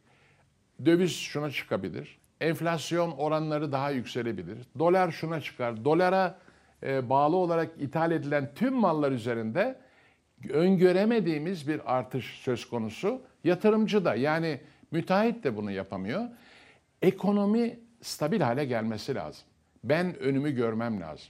Ve bu pahalılığın e, işte üretici vay sen şeyde pahalı satıyorsun ben bir şey kontrol edeceğim demekle olmayacağı kesin. Korkutarak olmayacağı kesin. Herkesin kendine göre haklı e, gerekçeleri var ve şu anda ekonomi yani sizin de takip ettiğiniz gibi ne kadar bu kaldır küldürle taşınabilir onu bilmiyorum. Nereye varacağımız belli değil. Belediyeler olarak da bütçelerimizi revize ediyoruz. Dün meclisim vardı. Yeniden ben e, Ne çıktı ek, sonuç? ek ödenek olarak koymak durumunda kaldım. Çünkü mevcut durumda e, benim alacağım bazı konularla ilgili ve e, daha önce ihaleye çıkmışız ve yeni bir kanun çıktı arttırmayla ilgili. Yani otomatikman fazla e, zararını karşılamak için o da tam karşılamıyor. Vereceğimden dolayı ben şu anda bütün belediyelerimizle aynı şekilde yaptık, yapacağız. Bundan sonra da yapmaya devam edecek. Peki nereye gidecek? Yani ben arttırdım bütçemi ama kaynak yok. Ee, belediyelerin gerçekten benim baştan beri söylediğim, e, uzun süredir de bu görevi yapıyorum. Türkiye Belediyeler Birliği'ndeyken de aynı şeyi söyledik. Yerelleşecek miyiz, merkezileşecek miyiz? Bir ara e, yönetim yerelleşme yönünde kararlar almıştı. Ben de o çalışmaların içindeydim. Ama sonra yapılan her değişiklik yerelleşmeden merkezileşmeye dönüştü. Yani merkez gücü, e, yetkiyi kendisine aldı ve yerelin et yetkilerinden kesti. Ekonomik olarak da verilmesi gereken katkılar var. Örneğin ben 5 milyar küsur e, vergi ödüyorum. Ama benim alabildiğim e, şey oran olarak, yatırım olarak, devlet yatırımı olarak 6.6. Ama başka belediyelere bakıyorsunuz. Örneğin Trabzon Belediyesi'ne bakalım. Onun 14 küsur. Verdiği Buradaki- vergiden, vergiye oranla aldığı yatırımın oranı. Orada o kadar güzel bir şey var ki yani e, Ya burada hani e, böyle bir bakış açısının oluşması merkezden mi kaynaklanıyor? Sorun bu olsun. Belediye meclisi anlamında siz mesela İstanbul'a göre daha avantajlısınız. E, çünkü belediye meclisinde eliniz daha daha güçlü. evet, İstanbul'da böyle bir durum yaşanmıyor. Ekrem Maalesef, İmamoğlu da maalesef. işte bir yandan da topal ördek e, durumunu ve o sözü hatırlatarak e, hizmetlerle ilgili o da açıklamalarda bulunuyor. Tabii ki zam iyi bir şey değil. Öğrenciler, öğrenciler de yani herkes için iyi bir şey değil. Ama bir de mevcut durumu görmek ve anlamak da Evet. gerekiyor galiba. Şimdi bir İzmir'e gidelim. İzmir'de de ortaya çıkmış bir e, görüntü var. Hatta onun sosyal medya paylaşımını da İrfan bakabilir miyiz? E, İzmir Büyükşehir Belediye Başkanı Tunç Soyer, e, AKP'li Hızal metro çalışmaları durdu dedi. Tunç Soyer çalışanları görüntülü olarak aradı. Bir yanlış anlaşılma olmuş. Hemen düzeltelim dedik. Tunç Soyer'in açıklaması. Ne oldu bir bakalım. Çok iddialı söylüyorum ve net söylüyorum. Narlıdere metrosunda şu anda inşaat faaliyeti durmuş vaziyette kıymetli arkadaşlar. Serhan Bey, Narlıdere metromuzda şu anda çalışma nasıl gidiyor? Do- doğrudur başkanım. Ee, Narlıdere metro hattında çalışmalarımız devam ediyor. Kaç kişi çalışıyor yaklaşık? Şu an şantiyemizde ee, gündüz gece olarak 611 çalışanımız var ee, başkanım. 7 istasyon, 2 makas hattında her noktada çalışıyoruz. Sağ olun, teşekkür ediyorum. 611 çalışan gündüz gece orada çalışıyor ve yine belediye meclisinde bir isim çok iddialı söylüyorum diye e, buradaki eleştirisini yöneltince Tunç Soyer bu şekilde çalışanları arıyor. Çok pratik olmuş, çok yerinde olmuş. Peki bu niye oluyor? Ya da Muğla Büyükşehir Belediyesi ile Trabzon Büyükşehir Belediyesi arasında niye kaynak bütçe vergi ayrımı oluyor? E, bir nevi öve evlatız biz. Pek öyle e, çok sıcak görülmüyoruz. Ama Muğla gibi bir yer, her şehir kendisinin özellikleriyle, değerleriyle hepimizin başımızın tacı. Ben Muğlalı olduğum ve Muğla Büyükşehir Belediye olduğu için Muğla'ya ayrı bir bakıyorum. Ama değer olarak baktığınızda turizm sektöründen beklentimiz var yazın inşallah olur ama onun da bir takım sıkıntıları var. Ve büyük gelir elde etmek için Antalya, e, Muğla, e, İstanbul bunlar turizm olarak ülkemize en büyük geliri elde eden yerler. E, e, ama siz Muğla'yı öve evlat gibi yapıp şu anda ben e, 1 milyar 700 küsür milyon liralık bir altyapı yapı, yatırımı yapıyorum. Bodrum'un her yerini kazıyoruz şu anda. Gidenler kızıyor, yollar ne oldu falan bunun başka çaresi yok. Ama 2022'de bitireceğiz. Bunu ben döviz borçlanmasıyla yaptım. Çünkü İller Bankası bana o yönde e, katkı yapması, TL olarak beni finanse etmesi mümkün olmadığı için İller Bankası'nın da kontrolü altında ben dövizle borçlandım. Ama şimdi maliyetler TL olarak baktığınızda e, dövizin geldiği noktaya göre değişiyor. E, Fethiye'de altyapı yapıyorum. Yani e, altın yumurtlayan tavuk beslenmesi ve değerlendirilmesi lazım. Ben altyapıyı tamamlamam gerekiyor. Mesela Aslında sizin Ankara ziyaretinizin gerekçesi de bu. Yaz yaklaşıyor. Evet. Yani altyapı hizmetleri var, turizm. Turizm de sadece Türkiye'nin değil, dünyanın, Avrupa'nın en önemli merkezlerinden birisi. Bize destek olun demek için geldiniz Gerçekten galiba Ankara'ya. öyle. Yani şu bakın e, ben 63 milyon euroluk bir müracaatımı yaptım. Bunun amacı e, proje su altyapısını değiştirmek ve güneş enerjisini devreye sokmak. Güneş enerjisi şu anda pompajla çalıştığı için su maliyetine en yüksek oranda etki eden maliyet. Ben onu güneş enerjisinden olabildiğince yararlanarak minimize etmeyi ve su giderlerini, suyun maliyetini düşürmeye çalışıyorum. Ama e, 2020'nin 12. ayında Sayın Cumhurbaşkanımızsa onun onayı gerekiyor dış kredi kullanabilmek için. Başka garanti de istemiyor. Fransız Kalkınma Ajansı ile ama biz hala alamadık. Fransız Kalkınma Ajansı ile ayrıca diğer projelerle birlikte 230 milyon euroluk bir ön anlaşmamız var. Eğer gerek olur ve Sayın Cumhurbaşkanımız tasdiklerse benim onları kullanma imkanım var. Randevu istediniz mi? Ee, Yani görüşmek randevu, için. Randevumuz şöyle, bizim e, Sayın İmamoğlu da aynı şekilde 11 büyükşehir ve diğer e, arkadaşlarla birlikte 30 büyükşehiri bir toplantı yaptık. Orada konuşmamızda belli aralıklarla bunun yapılmasını ve her kentin orada 5 dakikalık konuşma imkanı verilmişti ama önemliydi. Fakat o bir, birdenbire bitti. Yani şu anda hiçbir şekilde randevu verilmiyor. Yani kişisel değil, grup olarak hep beraber gidelim. Her il kendi problemini söylesin. E belki diğer belediye başkanları problemlerini iletebiliyorlar AK Partili arkadaşlar. E, biletsinler, onların da çözümleri olsun. Ama bizler direkt olarak iletme imkanımız yok. Sayın bakanlarla zaman zaman bir araya geliyoruz. Fakat bir defansın olduğu ve yani sanki ben hani şehrin yerlisi değilim de yabancısıymış gibi bir defansın olduğunu görüyoruz. Ve biraz önce verdiğim rakamlarla ürettiği vergi değeriyle aldığı yatırım arasındaki oranı bakın en büyük değeri İstanbul Büyükşehir yaratıyor ama aldığı e, pay çok daha düşük.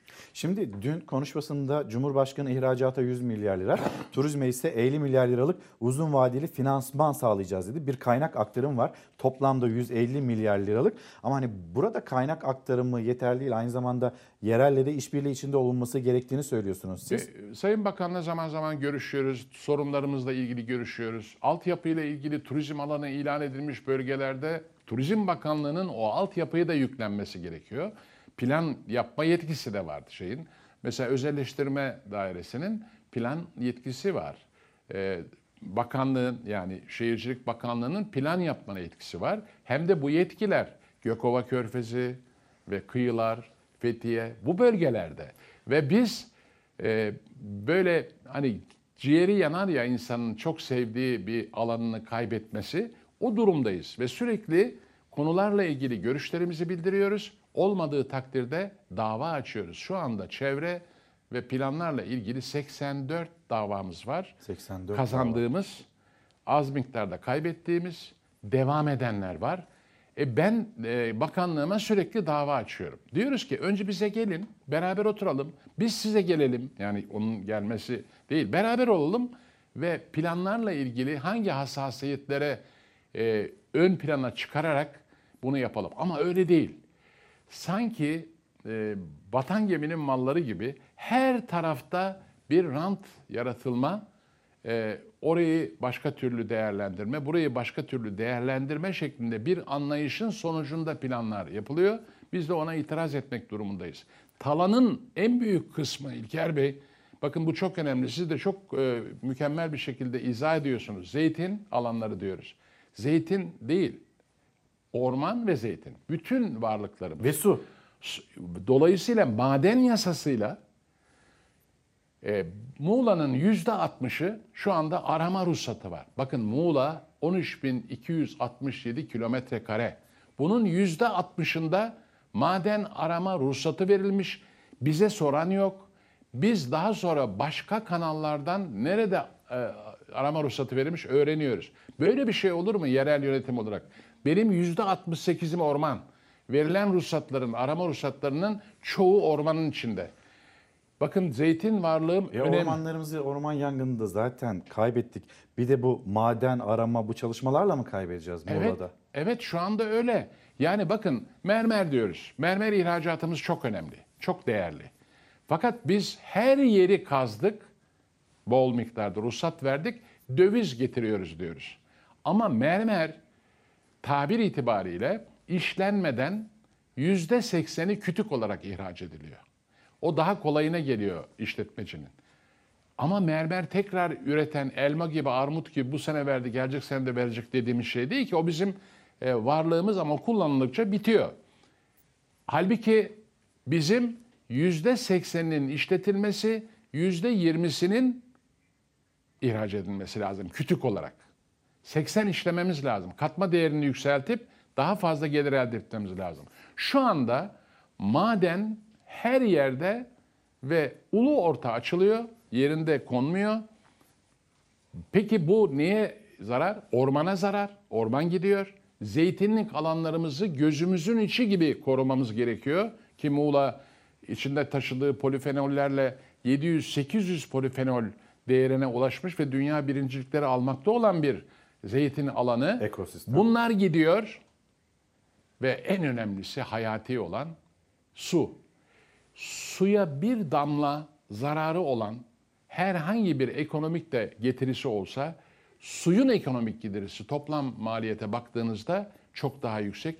bizim suyun bir damlasına zarar verecek hiçbir şeye ruhsat vermememiz gerekiyor. Yani Muğla'nın %60'ında maden mi aranıyor şu anda? Aranıyor.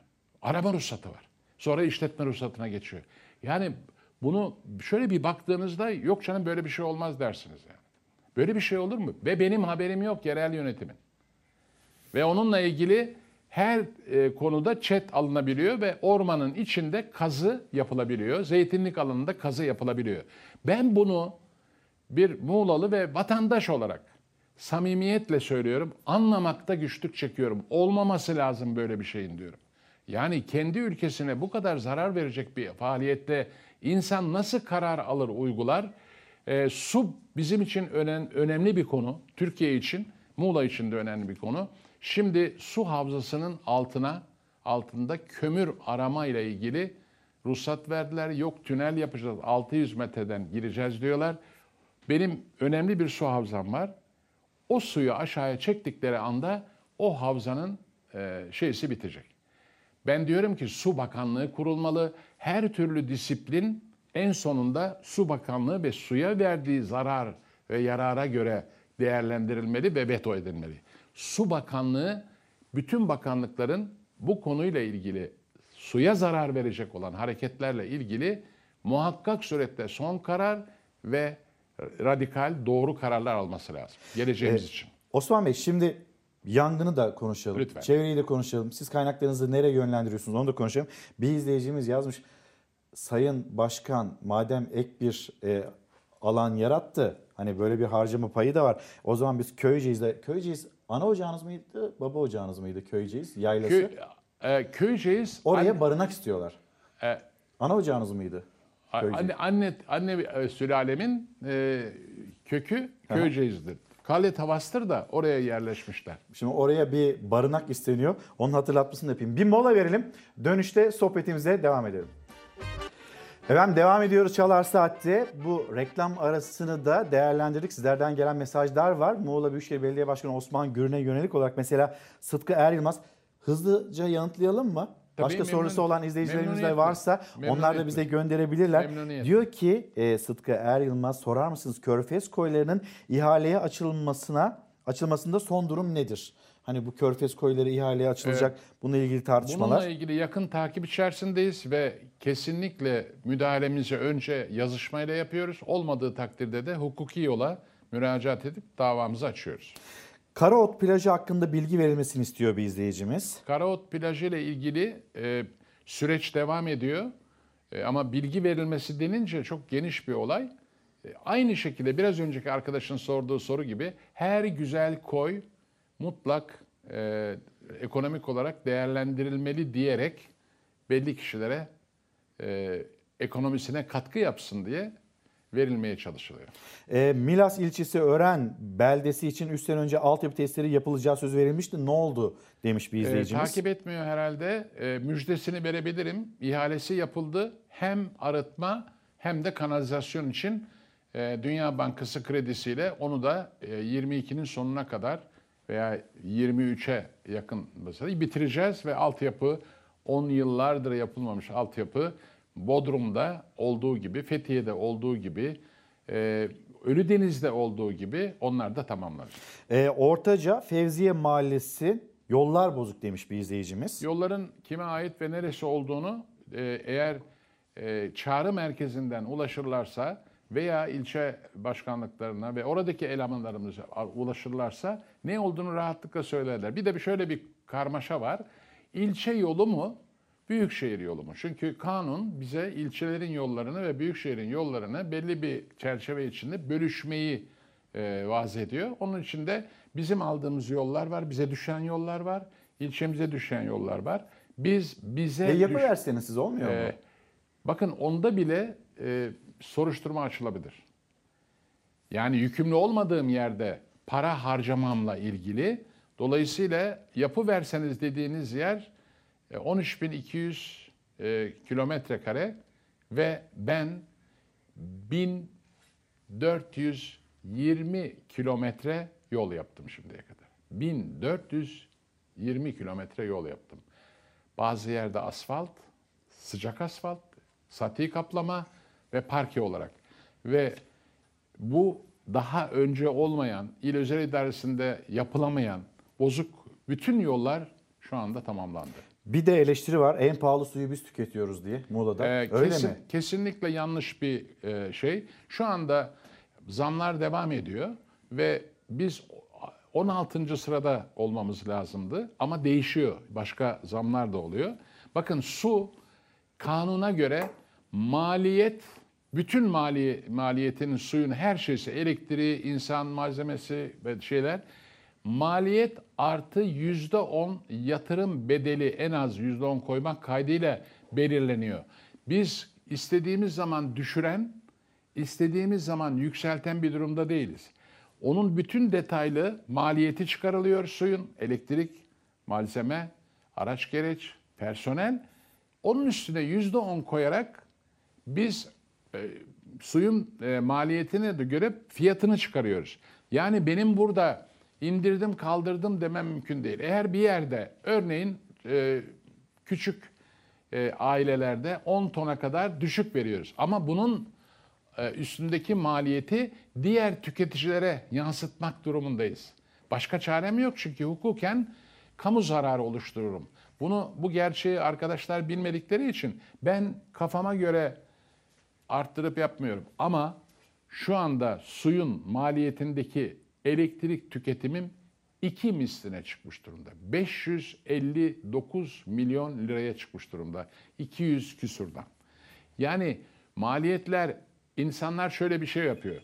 Kendi aile yaşamında ve bütçesinde yaşadığı pahalılıkla ilgili konuların içine baktığında ya belediye geldiğinde şöyle bir kötü niyette değil. Yani otomatik olarak canım belediye yapıversin deniyor.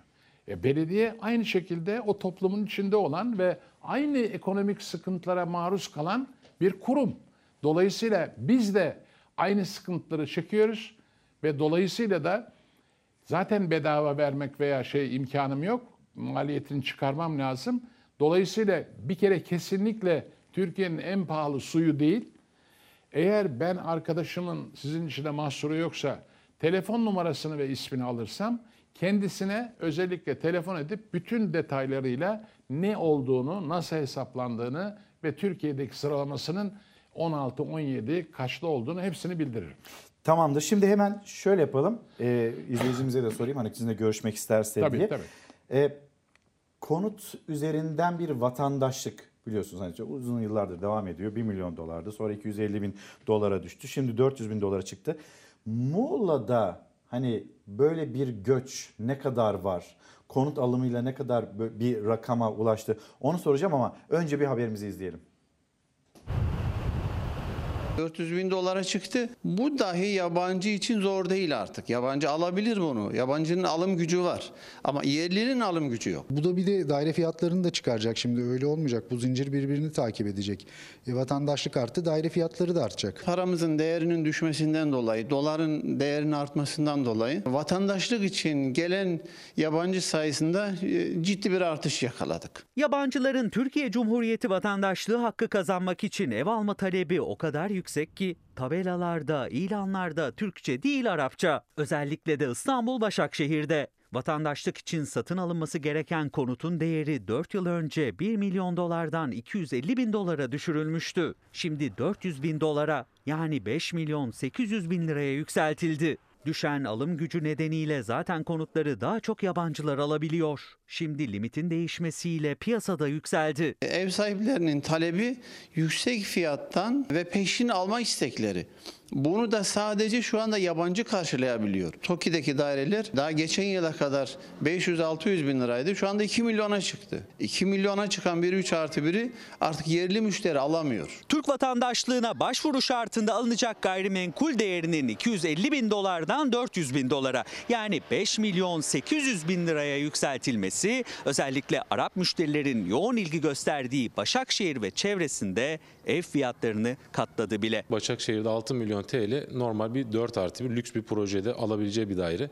E, Birçok yabancı da bunu alabiliyor zaten. İnternetteki konut ilanları bazı bölgelerde çoğunlukla Türkçe değil Arapça. Türkçe yazılan ilanlarda da vatandaşlığa uygundur başlığı dikkat çekiyor. Fiyatlar kişiye özel belirlenmiyor. Türk vatandaşlığı başvurusuna uygun olsun diye 400 bin dolara çekildiği an semtteki tüm fiyatlar o seviyeye yükseliyor. Yabancı geldiği sürece, e, vatandaşlık verdiği sürece bu fiyatların artması devam edecek. Yabancıların sayısı arttıkça bölgedeki iş yerlerinin tabelaları da buna göre değişiyor. Tabelalar çoğunlukla Arapça. Emlak ofislerinde ise bu şekilde yabancıların ev alırsa Türk vatandaşı olabileceklerini gösteren ilanlar asılı. Bulunduğumuz yer baktığımız zaman %70 yabancı. Bazı sitelerde yabancı sayısı Türk ev sahiplerini geçmeye başladı. Başakşehir ve çevresinde konut fiyatları da buna bağlı tırmandıkça tırmanıyor. Vatandaşlık için ev alma tabii ki e, büyük bir etken yani tartışılmaz.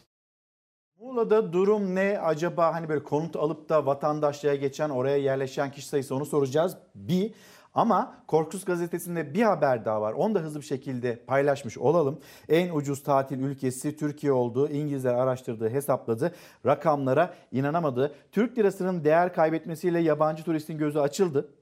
İngiliz medyasının hazırladığı rehbere göre Avrupa'da tatil için en ucuz kaçış noktası İstanbul oldu. İstanbul'da konaklama, müze gezisi ve lüks restoranda yiyip içmek günlük 68 pound'a mal oluyor. Acaba Muğla'da durum ne? Yine kendisine soracağız. Fakat hani burada bu bölgede Çeşme'den örnek verdik. Muğla, belki Marmaris. Orada yazlık hani kiralamak isteyenler oluyor. Otel yerine yazlığı tercih edenler. Kiralama ücretleri ne kadar oldu? Bunun da bir haberini verelim. Şu anda Çeşme'de ne satılık arsa ne de kiralık ev kalmamış durumda. Olanlar da oldukça fiyatı bir hayli yüksek. Sezon kiralıklarda geçen seneye göre oranla e, %60-%70'leri bulan e, fiyat artışlarına e, rastlamamız mümkün. Otele gücü yetmeyen 5 yıldızlı otel konforunda açık büfenin olmadığı kiralık yazlıkları tercih ediyordu. Yemeğini, çamaşırını, bütün işini kendi yapsa da hayat pahalılığında hayat kurtarıyordu kiralık yazlıklar. Ama artık onu da tutabilmek mümkün görünmüyor. Artan kira fiyatları düşük bütçeli tatilciyi de vurdu. Geçen seneye 50 bin liraya, sezonda ayda 50 bin lira istediğimiz villa şu an yaklaşık 90 bin, 100 bin bandında seyrediyor fiyat olarak.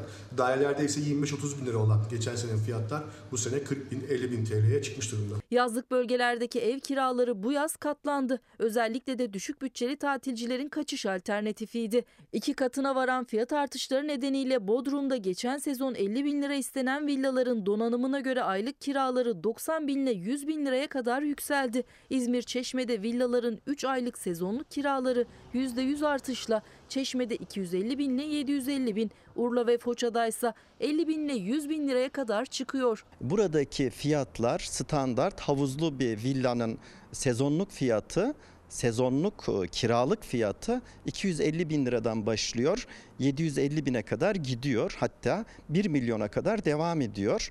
Yanlış anlamasın izleyicilerimiz bunlar bir sezonluk kiralık fiyatlar. Otellerde ise durum geçen yıllardan farklı. Değişim eksi yönde. Antalya Manavgat'taki otellerin pek çoğunun açılışlarını ve personel alımını ertelediği öğrenildi. En büyük nedense Rusya ve Ukrayna savaşı. Alman pazarından çok az geliyor. Zaten tek bir ajanta kaldı sayılır Alman pazarında. Side ile çok ilgilenen. Ee, Rus ve Ukrayna pazarı neredeyse sıfır. Ee, Polonya pazarından da çok minimal bir artış var. Bölge otellerinin birçoğu erteledi. Açılışlarını erteledi. Mayıs 1'i erteleyen var. Mayıs 15'i erteleyen var. Mayıs sonunu erteleyen en çok ama. Personelim için açtım. Hani hiç olmazsa 67 şu anda 70-75 tane personelim var burada. Ee, onlarla birlikte olabilmek için açtım. Başka hiçbir sebebi yok. Şimdi 68 pound da e, ucuz olarak e, lanse ediliyor. Tabii İngiltere'deki bir vatandaşın ucuz ama kendi ülkemizde doların, euronun, pound'un geldiği yer açısından hayli de pahalı. Sizde durum nedir? 1300 lira yani o 68 pound Evet. İstanbul için öyle söyleyelim. Sizde durum nedir? Konut satışı, yabancıların konut satışı, Muğla'ya ilgi, işte o koylara, körfezlere ilgi durumu nedir? Oradaki işte kiralık konutlar, e, daireler, bu pahalılık, villalar ne aşamada? E, Muğla'nın özellikle kıyı e, bölgesinde zaten talep arz talep dengesi bozulmuş durumda. Çünkü inşaat konusunda da insanlar sıkıntılı. Fakat o bölgede özellikle e, normal Türk vatandaşının ev almasında zorluk çektiği, hepinizin bildiği orta sınıfın artık e, yok olmaya ve, ve mümkün olduğu kadar alt sınıf ve üst sınıf var.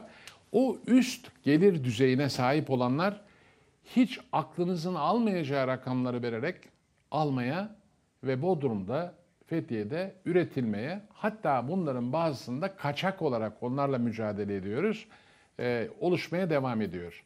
Ve dolayısıyla bu bir talan. Yani kim işte vatandaşlık için olabilir veya keyif için olabilir. Veriyor parayı özelinde elinde dövizi olan çünkü onlar e, TL olarak etkilenmiyorlar.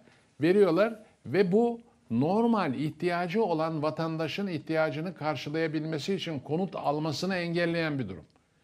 Ve benim kendi vatandaşım orta sınıftan alt sınıfa doğru giden bir gelir düzeyi içerisinde artık bir krediye de bağlı olsa konut alma hayalleri maalesef ötelenmek durumunda. Bu dengeli bir durum değil. Bir de bu yaz, bakın bunu İlker Beyciğim sizinle paylaşmam lazım vatandaşlarımızla Buyurun. da. Bu yaz benim gördüğüm kadarıyla herkes bir karavan, bir kulübe veya çadırla e, Muğla'mıza gelmeyi düşünüyorlar. Muğla'ya büyük bir ilgi var.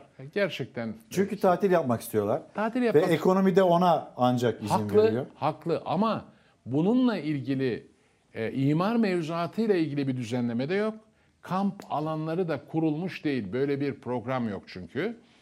Dolayısıyla her ağacın altında bir çadır, bir karavan, karavan denilen altına tekerlek veya e, taşıyıcı ta- konmuş araçlarla dolacağız ve bunların e, suyu e, nasıl temin edecek, ihtiyaçları nasıl giderilecek?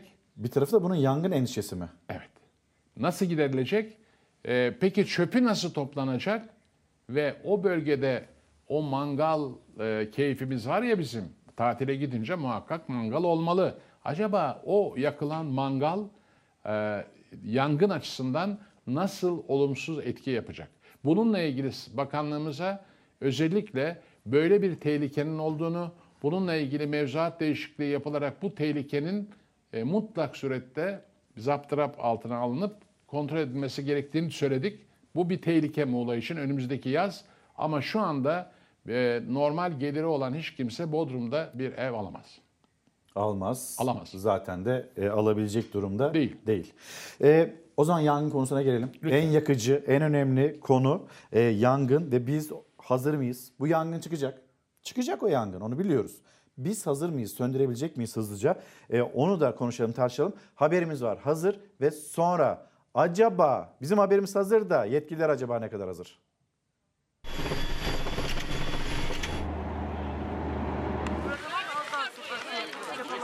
Günlerce söndürülemeyen yangının yeşilsiz bıraktığı metrekarelerce alan iç acıtan görüntünün adresi Marmaris binlerce fidanla yeniden yeşillenmeye hazırlanıyor. Muğla Marmaris'te geçen yıl 29 Temmuz'da çıkan ve 9 gün sonra kontrol altına alınabilen orman yangınında zarar gören alanların son hali bu. 9052 hektarlık ormanlık alan kül oldu. Aradan geçen sürede yanan ağaçlar kesildi. Toprak yeniden hayat bulmaya hazırlandı. Şimdiye kadar yanan alanlara 300 bin ağaç dikildi ancak bu sadece bir kısmı. Hala zarar gören ağaçların temizlenmesine devam ediliyor. O alanlarda yeniden yeşillenmeye hazırlanıyor. Eski güzel günlerine kavuşması, yeşille mavinin buluşabilmesi için. 50 bini orman, 75 bin hektarlık alanın küle döndüğü Manavgat'ta da umutlar ekimi yapılan 72 ton kızılçam tohumuyla filizleniyor. Bölgeye 1,5 milyon da fidan dikildi. Adana'da da yanan ormanlık alanlarda rehabilitasyon çalışmaları sürüyor. Toprak işleniyor, temizleniyor ve yeniden ağaçlandırılıyor.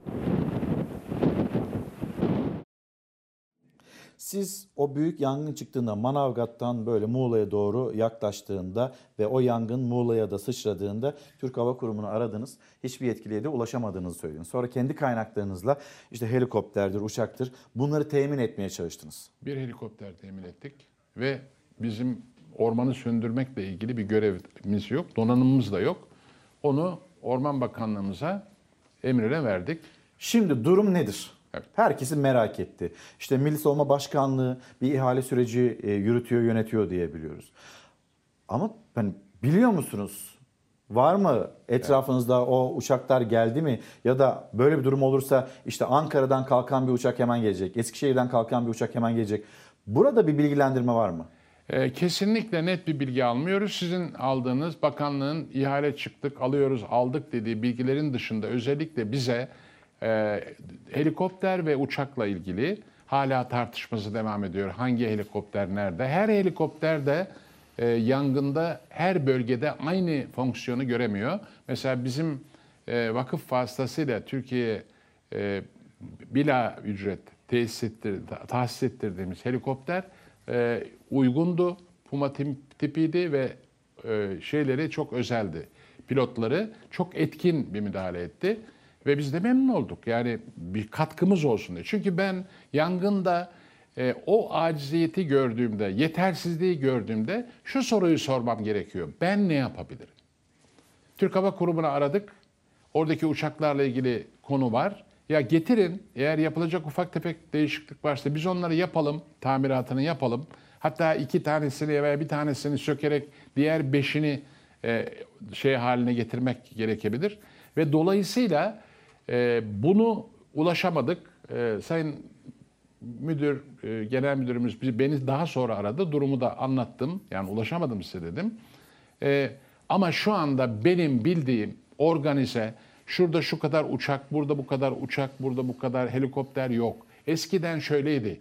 Eskiden köylü kendisi e, bizzat ilk müdahaleyi o yapardı ve Türk Hava Kurumu'nun uçakları bölge bölge keşif uçuşları yapardı yangın mevsiminde.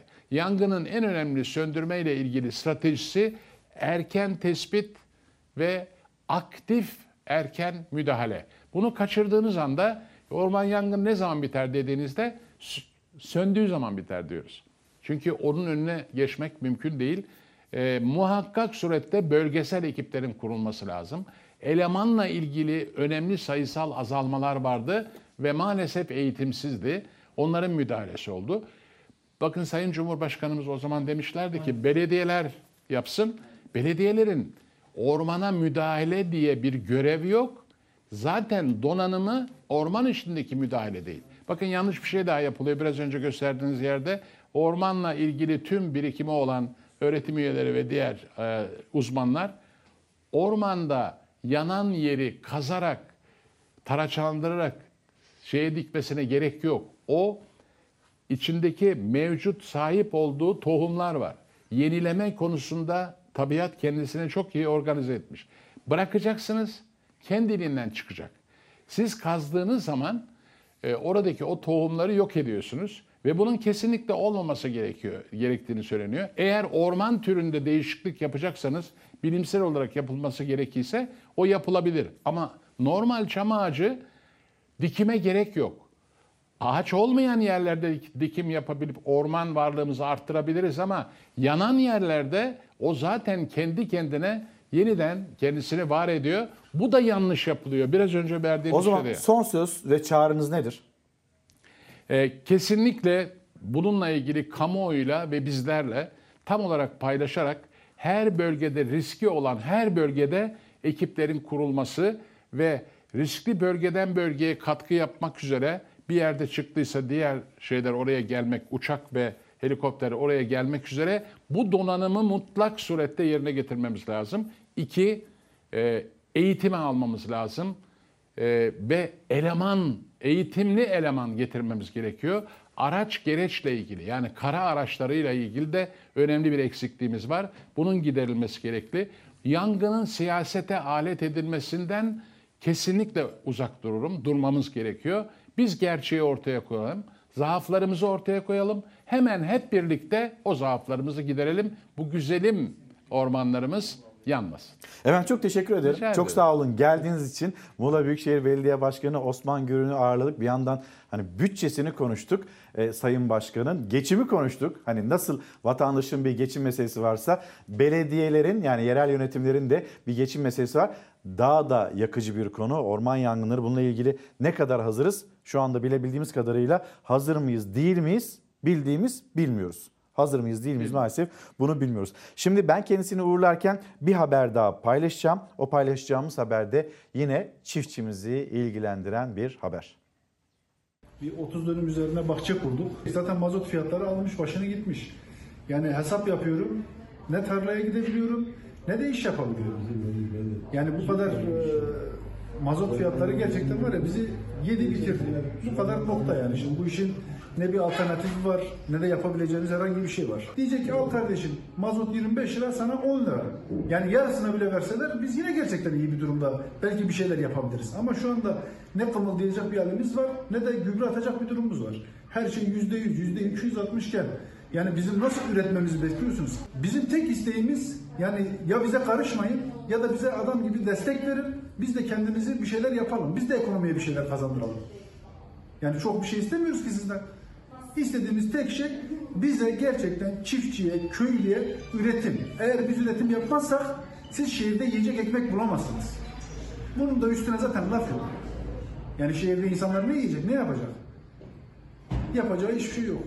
Yani en basit çözüm üretim. Üretmedikten sonra hiçbir toplum ne kalkınır, ne yükselir, ne de geleceğe dair hiçbir şey olur. Hemen şimdi Ankara Büyükşehir Belediyesi'nin çiftçiye yapmış olduğu destek bununla ilgili bilgimizi de paylaşalım. Çiftçilerimize no tohumu desteğinde bulunuyoruz. 25 ilçede 125 bin hektarlık alana %90'ı hibe, %10'u çiftçi katkı paylı. 9100 çiftçiye 2 milyon 500 bin kilogram no tohumu dağıtımına başlıyoruz diyor. 26 14 26 Nisan tarihlerinde veriyor Ankara Büyükşehir Belediyesi. Bir bilgiyi daha yine hatırlatalım. Ramazan ayı dayanışma ayı ve Mansur Yavaş. Mansur Yavaş son zamanlarda ismi Cumhurbaşkanı adaylığıyla geçen bir kişi ve ben bu adaylık mevzusu kendimle ilgili adaylık konusunun bu kadar gündemde tutulmasından rahatsızım açıklamasında yaptı. Kim bunu tutmaya çalışıyorsa, gündemde tutmaya çalışıyorsa bunlardan rahatsızım da dedi. Açıklaması şu hani ben bir kamu görevi yapıyorum kamu görevi yapmaya da devam edeceğim derken bir çağrısı var Ankaralılara ve aslında Türkiye'ye. ihtiyaç sahibi vatandaşlarımızın elektrik faturalarını ödeyebileceğiniz kampanyamızı başlattık. Daha önce de pandemi döneminde de karşılaştığımız kampanyalardan birisi. Siz bu kentin ümitlerini hep iyilikle yeşerttiniz. Gelin yine tüm karanlıkları dayanışmayla aydınlatalım. İhtiyaç sahibi vatandaşlarımızın elektrik faturalarını online olarak ödeyebilirsiniz. Böyle bir çağrısı var Mansur Yavaş'ın. Şimdi hemen bir de piyasaları gösterelim mi? Piyasalarda durum nedir? Bir misafirimiz daha olacak. Onu da e, sizinle tanıştırmak istiyoruz. Az sonra ekranlarınızda olacak. Bir piyasalara da bakalım. Dolar ne kadar, euro ne kadar, çeyrek altın ne kadar? Onun bilgisi de e, aktarılmış olsun, eksik kalmasın. 14 lira 62 kuruş dolar. Euro 15 lira 81 kuruş. Çeyrek altınsa 1517 lira. Hemen onu da gösterelim. Sonra sizleri sınırlarımızın ötesine götüreceğiz. Hindistan'a götüreceğiz. Orada bir panik anı.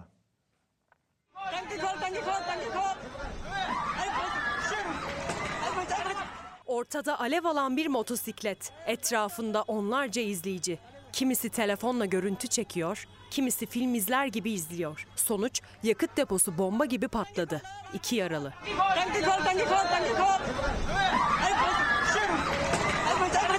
Hindistan'ın Mumbai kentinde otomobille çarpışan bir motosiklet alev aldı. Aslında kaza geliyorum diye bağırmıştı ama kimse dinlemedi. Birkaç dakika sonra yakıt deposu patladı. Biri ağır, iki kişi yaralandı. Panik olun, panik olun. Panik olun.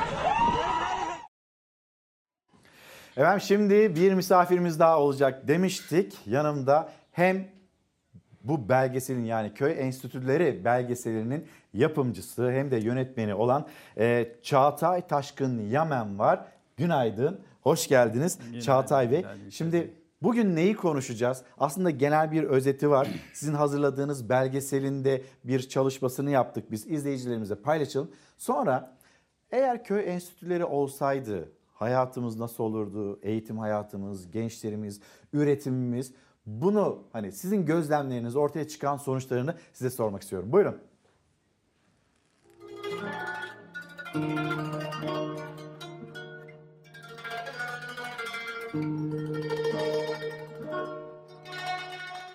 Halit Ağanoğlu kitabında bir tel aldım ve Ankara'ya davet edildim diye bahseder. Gerçekten de Ankara'dan Milli Eğitim Bakanlığı'ndan kendisine bir telgraf gelir ve Ankara'ya davet edilir. Kendisiyle birlikte bir grup eğitimci ve öğretmen de bu toplantılara davet edilir. Türkiye'nin eğitim meselelerini konuşmak üzere. Ve bu toplantılar sonucunda Halit Ağanoğlu Tonguç tarafından Kars'ta kurulacak köy enstitüsü için görevlendirilir. İşte Cilavuz Köy Enstitüsü'nün hikayesi tam olarak böyle başlar.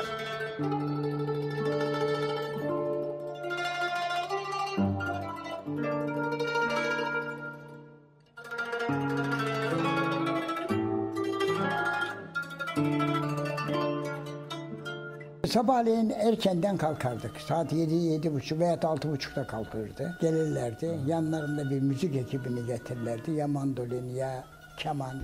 Amerikalı dünyaca meşhur olan John Dewey diyor ki Türkler hayalimdeki okulu icat ettiler. Fakat sonunda ciğeri kediye kaptırdılar diyor. Afet İnan öğrencilerle beraber geldi okula. Okulu gezdi. Ondan sonra eğitim işlerinden konuştu. Eğitimcilerinden konuştu. Öğretmenlerinden konuştu. Ama hepsine sahiptik mesela. Onlardan kalan ilk girdiğimiz yıl mesela sinema salonu duruyordu.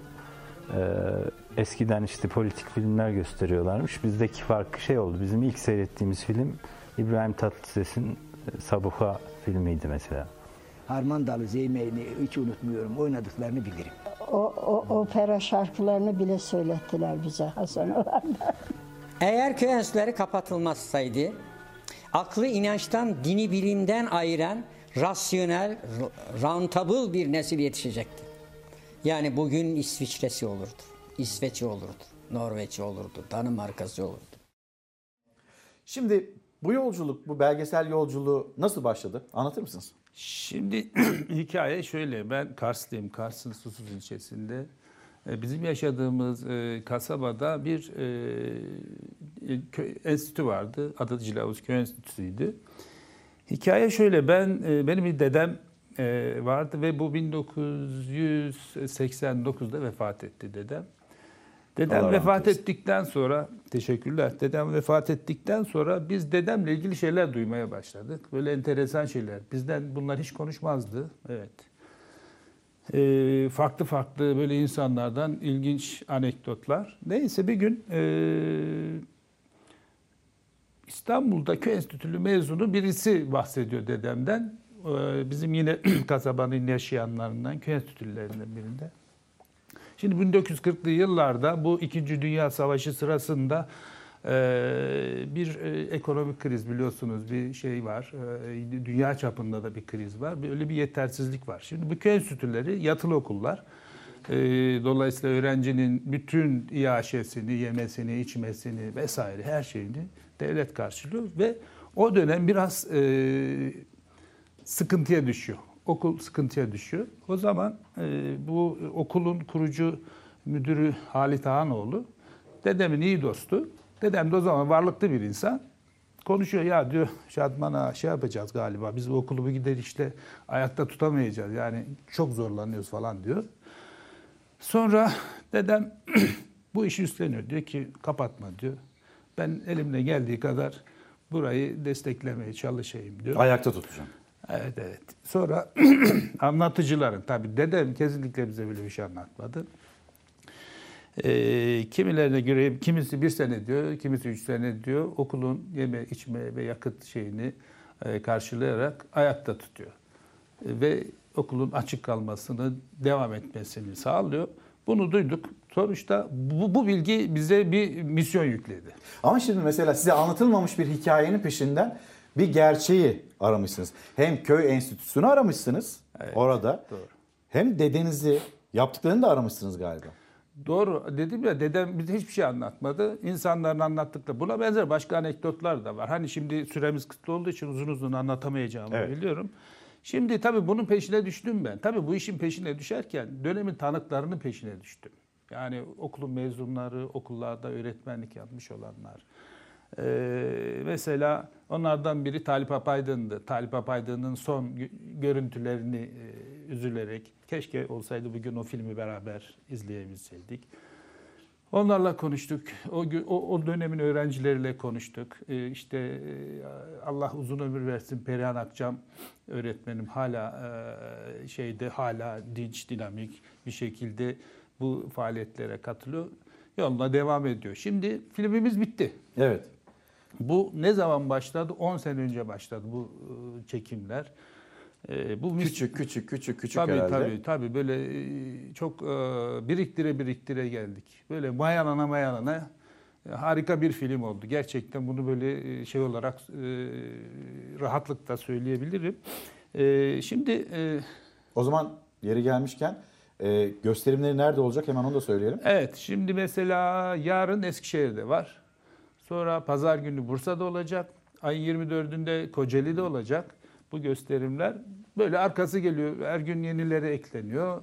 Güzel sağ olsunlar bu e, belediyelerimiz, e, sivil toplum örgütleri bu konuyla çok ilgililer. E, sonra işte yine bu doğduğu topraklarda 24 Haziran'da Ardahan'da olacak gösteri. Bunlar tarih bel- belli olanlar. E, böyle bir şey. E, ben eğitimciyim tabii bu arada. Bu O işte- zaman size bir eğitimci olarak sorayım.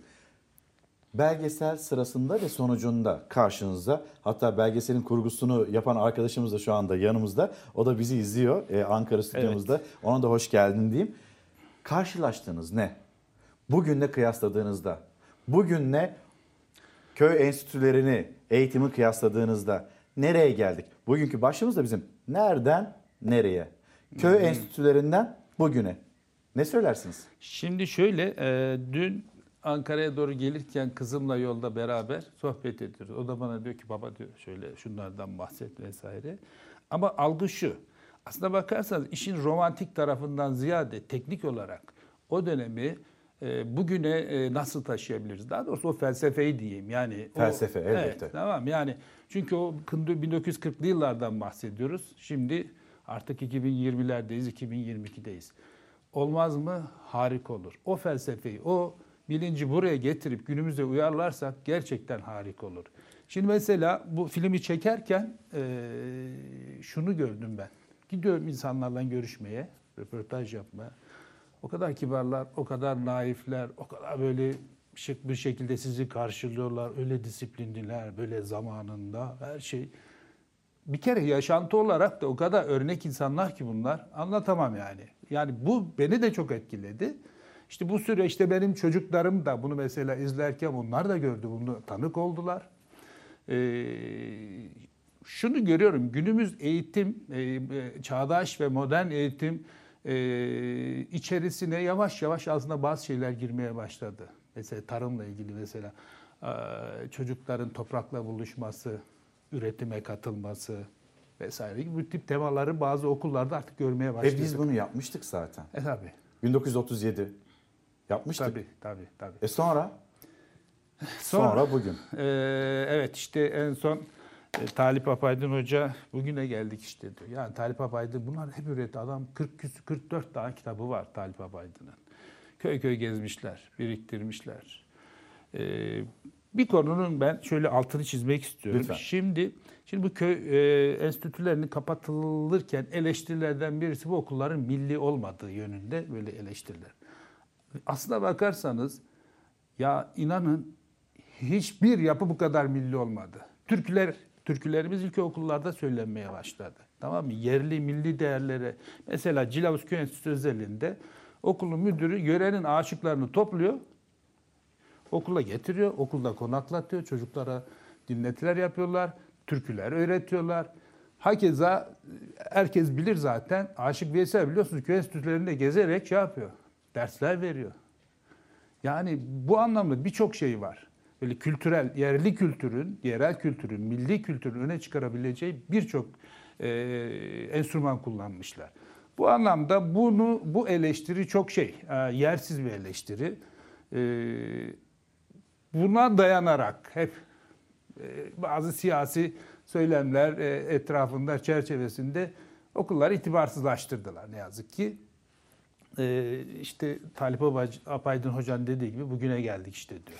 Bugüne geldik ama bugünden de son bir söz olarak bir çağrınız olacaksa köy enstitüleriyle ilgili ne dersiniz?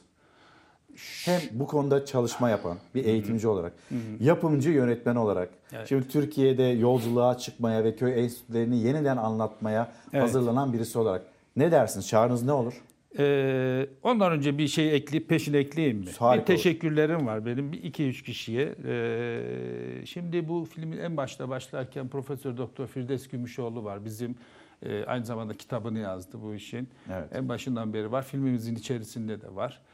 Ee, hiç pas geçemeyeceğim. En baştan beri işin içinde olan Deniz Zeyrek var. Deniz benim. Deniz abiye de buradan Evet, hem günaydın hem selamlar. Ee, onun gerçekten çok emeği var. Hatta filmin isim babası Deniz'dir. Yani Son Enstitüler filmini Deniz koydu bu filmi. Onun için gerçekten ona teşekkür ediyorum. Yine e, az önce bahsettik Gökalp Yamenmer. O da bizim e, kurgumuzu yaptı. Bütün çok emeği var. Ona da çok teşekkür ediyorum. Onun da bir sinema filmi var. Umarım onu da yakında buluşturacağız seyirciyle Harika olur. beraber. Onu da Şimdi e, son mesajım. Son bir evet. söz, son bir Günümüze mesaj. gelebilir mi? Gelebilir. Gerçekten artık modern ve çağdaş eğitim sistemleri çocuğun üretime dahil olması noktasında çok ciddi şeyler yapa- yapmaya başladılar. Çünkü bilgi yüklemekten ziyade çocuğun gelişimini olumlu anda doğru birey yetiştirme adına artık yeni kurgular, yeni senaryolar yazıyorlar. Olur. O felsefeyi taşıyalım emin olun çok da güzel olur. Evet çok teşekkür ederim. Ben Çağatay teşekkür Taşkın ederim. Yemen kendisi Çalar Saat'te misafirimizdi. Köy enstitüleri, son enstitüler ve isim babası Deniz Zeyrek. Deniz abi de bugün gelecekti ama katılamadı. Onu bu akşam orta sayfada izleyeceksiniz. Deneyimli gazetecilerle birlikte Doğan Şentürk'ün moderatörlüğünde. Ben tekrar teşekkür Ben ediyorum. teşekkür ederim. Hızlı bir şekilde de reklamlara gidiyoruz değil mi? Reklamların vakti geldi. Buyurun. Efendim bir kez daha günaydın. Çalar Saat'e nokta koyma vakti geldi. Bir kitabımız var. Onu da göstereyim ve hafta içi mesaimize o kitabı da gösterdikten sonra nokta koymuş olalım. Yalçın Küçük bütün eserleri Atamanoğlu Fatih böyle bir derleme. Kitabımızı gösterdikten sonra teşekkürümüz her zaman gibi sizlere bizi izlediğiniz için, bizi izlediğiniz için çok ama çok teşekkür ederiz. Bir aksilik, manikeder olmazsa Hafta içi pazartesi sabahı İsmail abi yayında olacak. Hafta sonunda da ben Türkiye'nin gündemini, sizin bizim gündemimizi, aynı zamanda dünyanın gündemini aktarmaya devam edeceğim. O ana dek, buluşuncaya dek hoşçakalın. Güzel bir gün, güzel bir hafta olsun.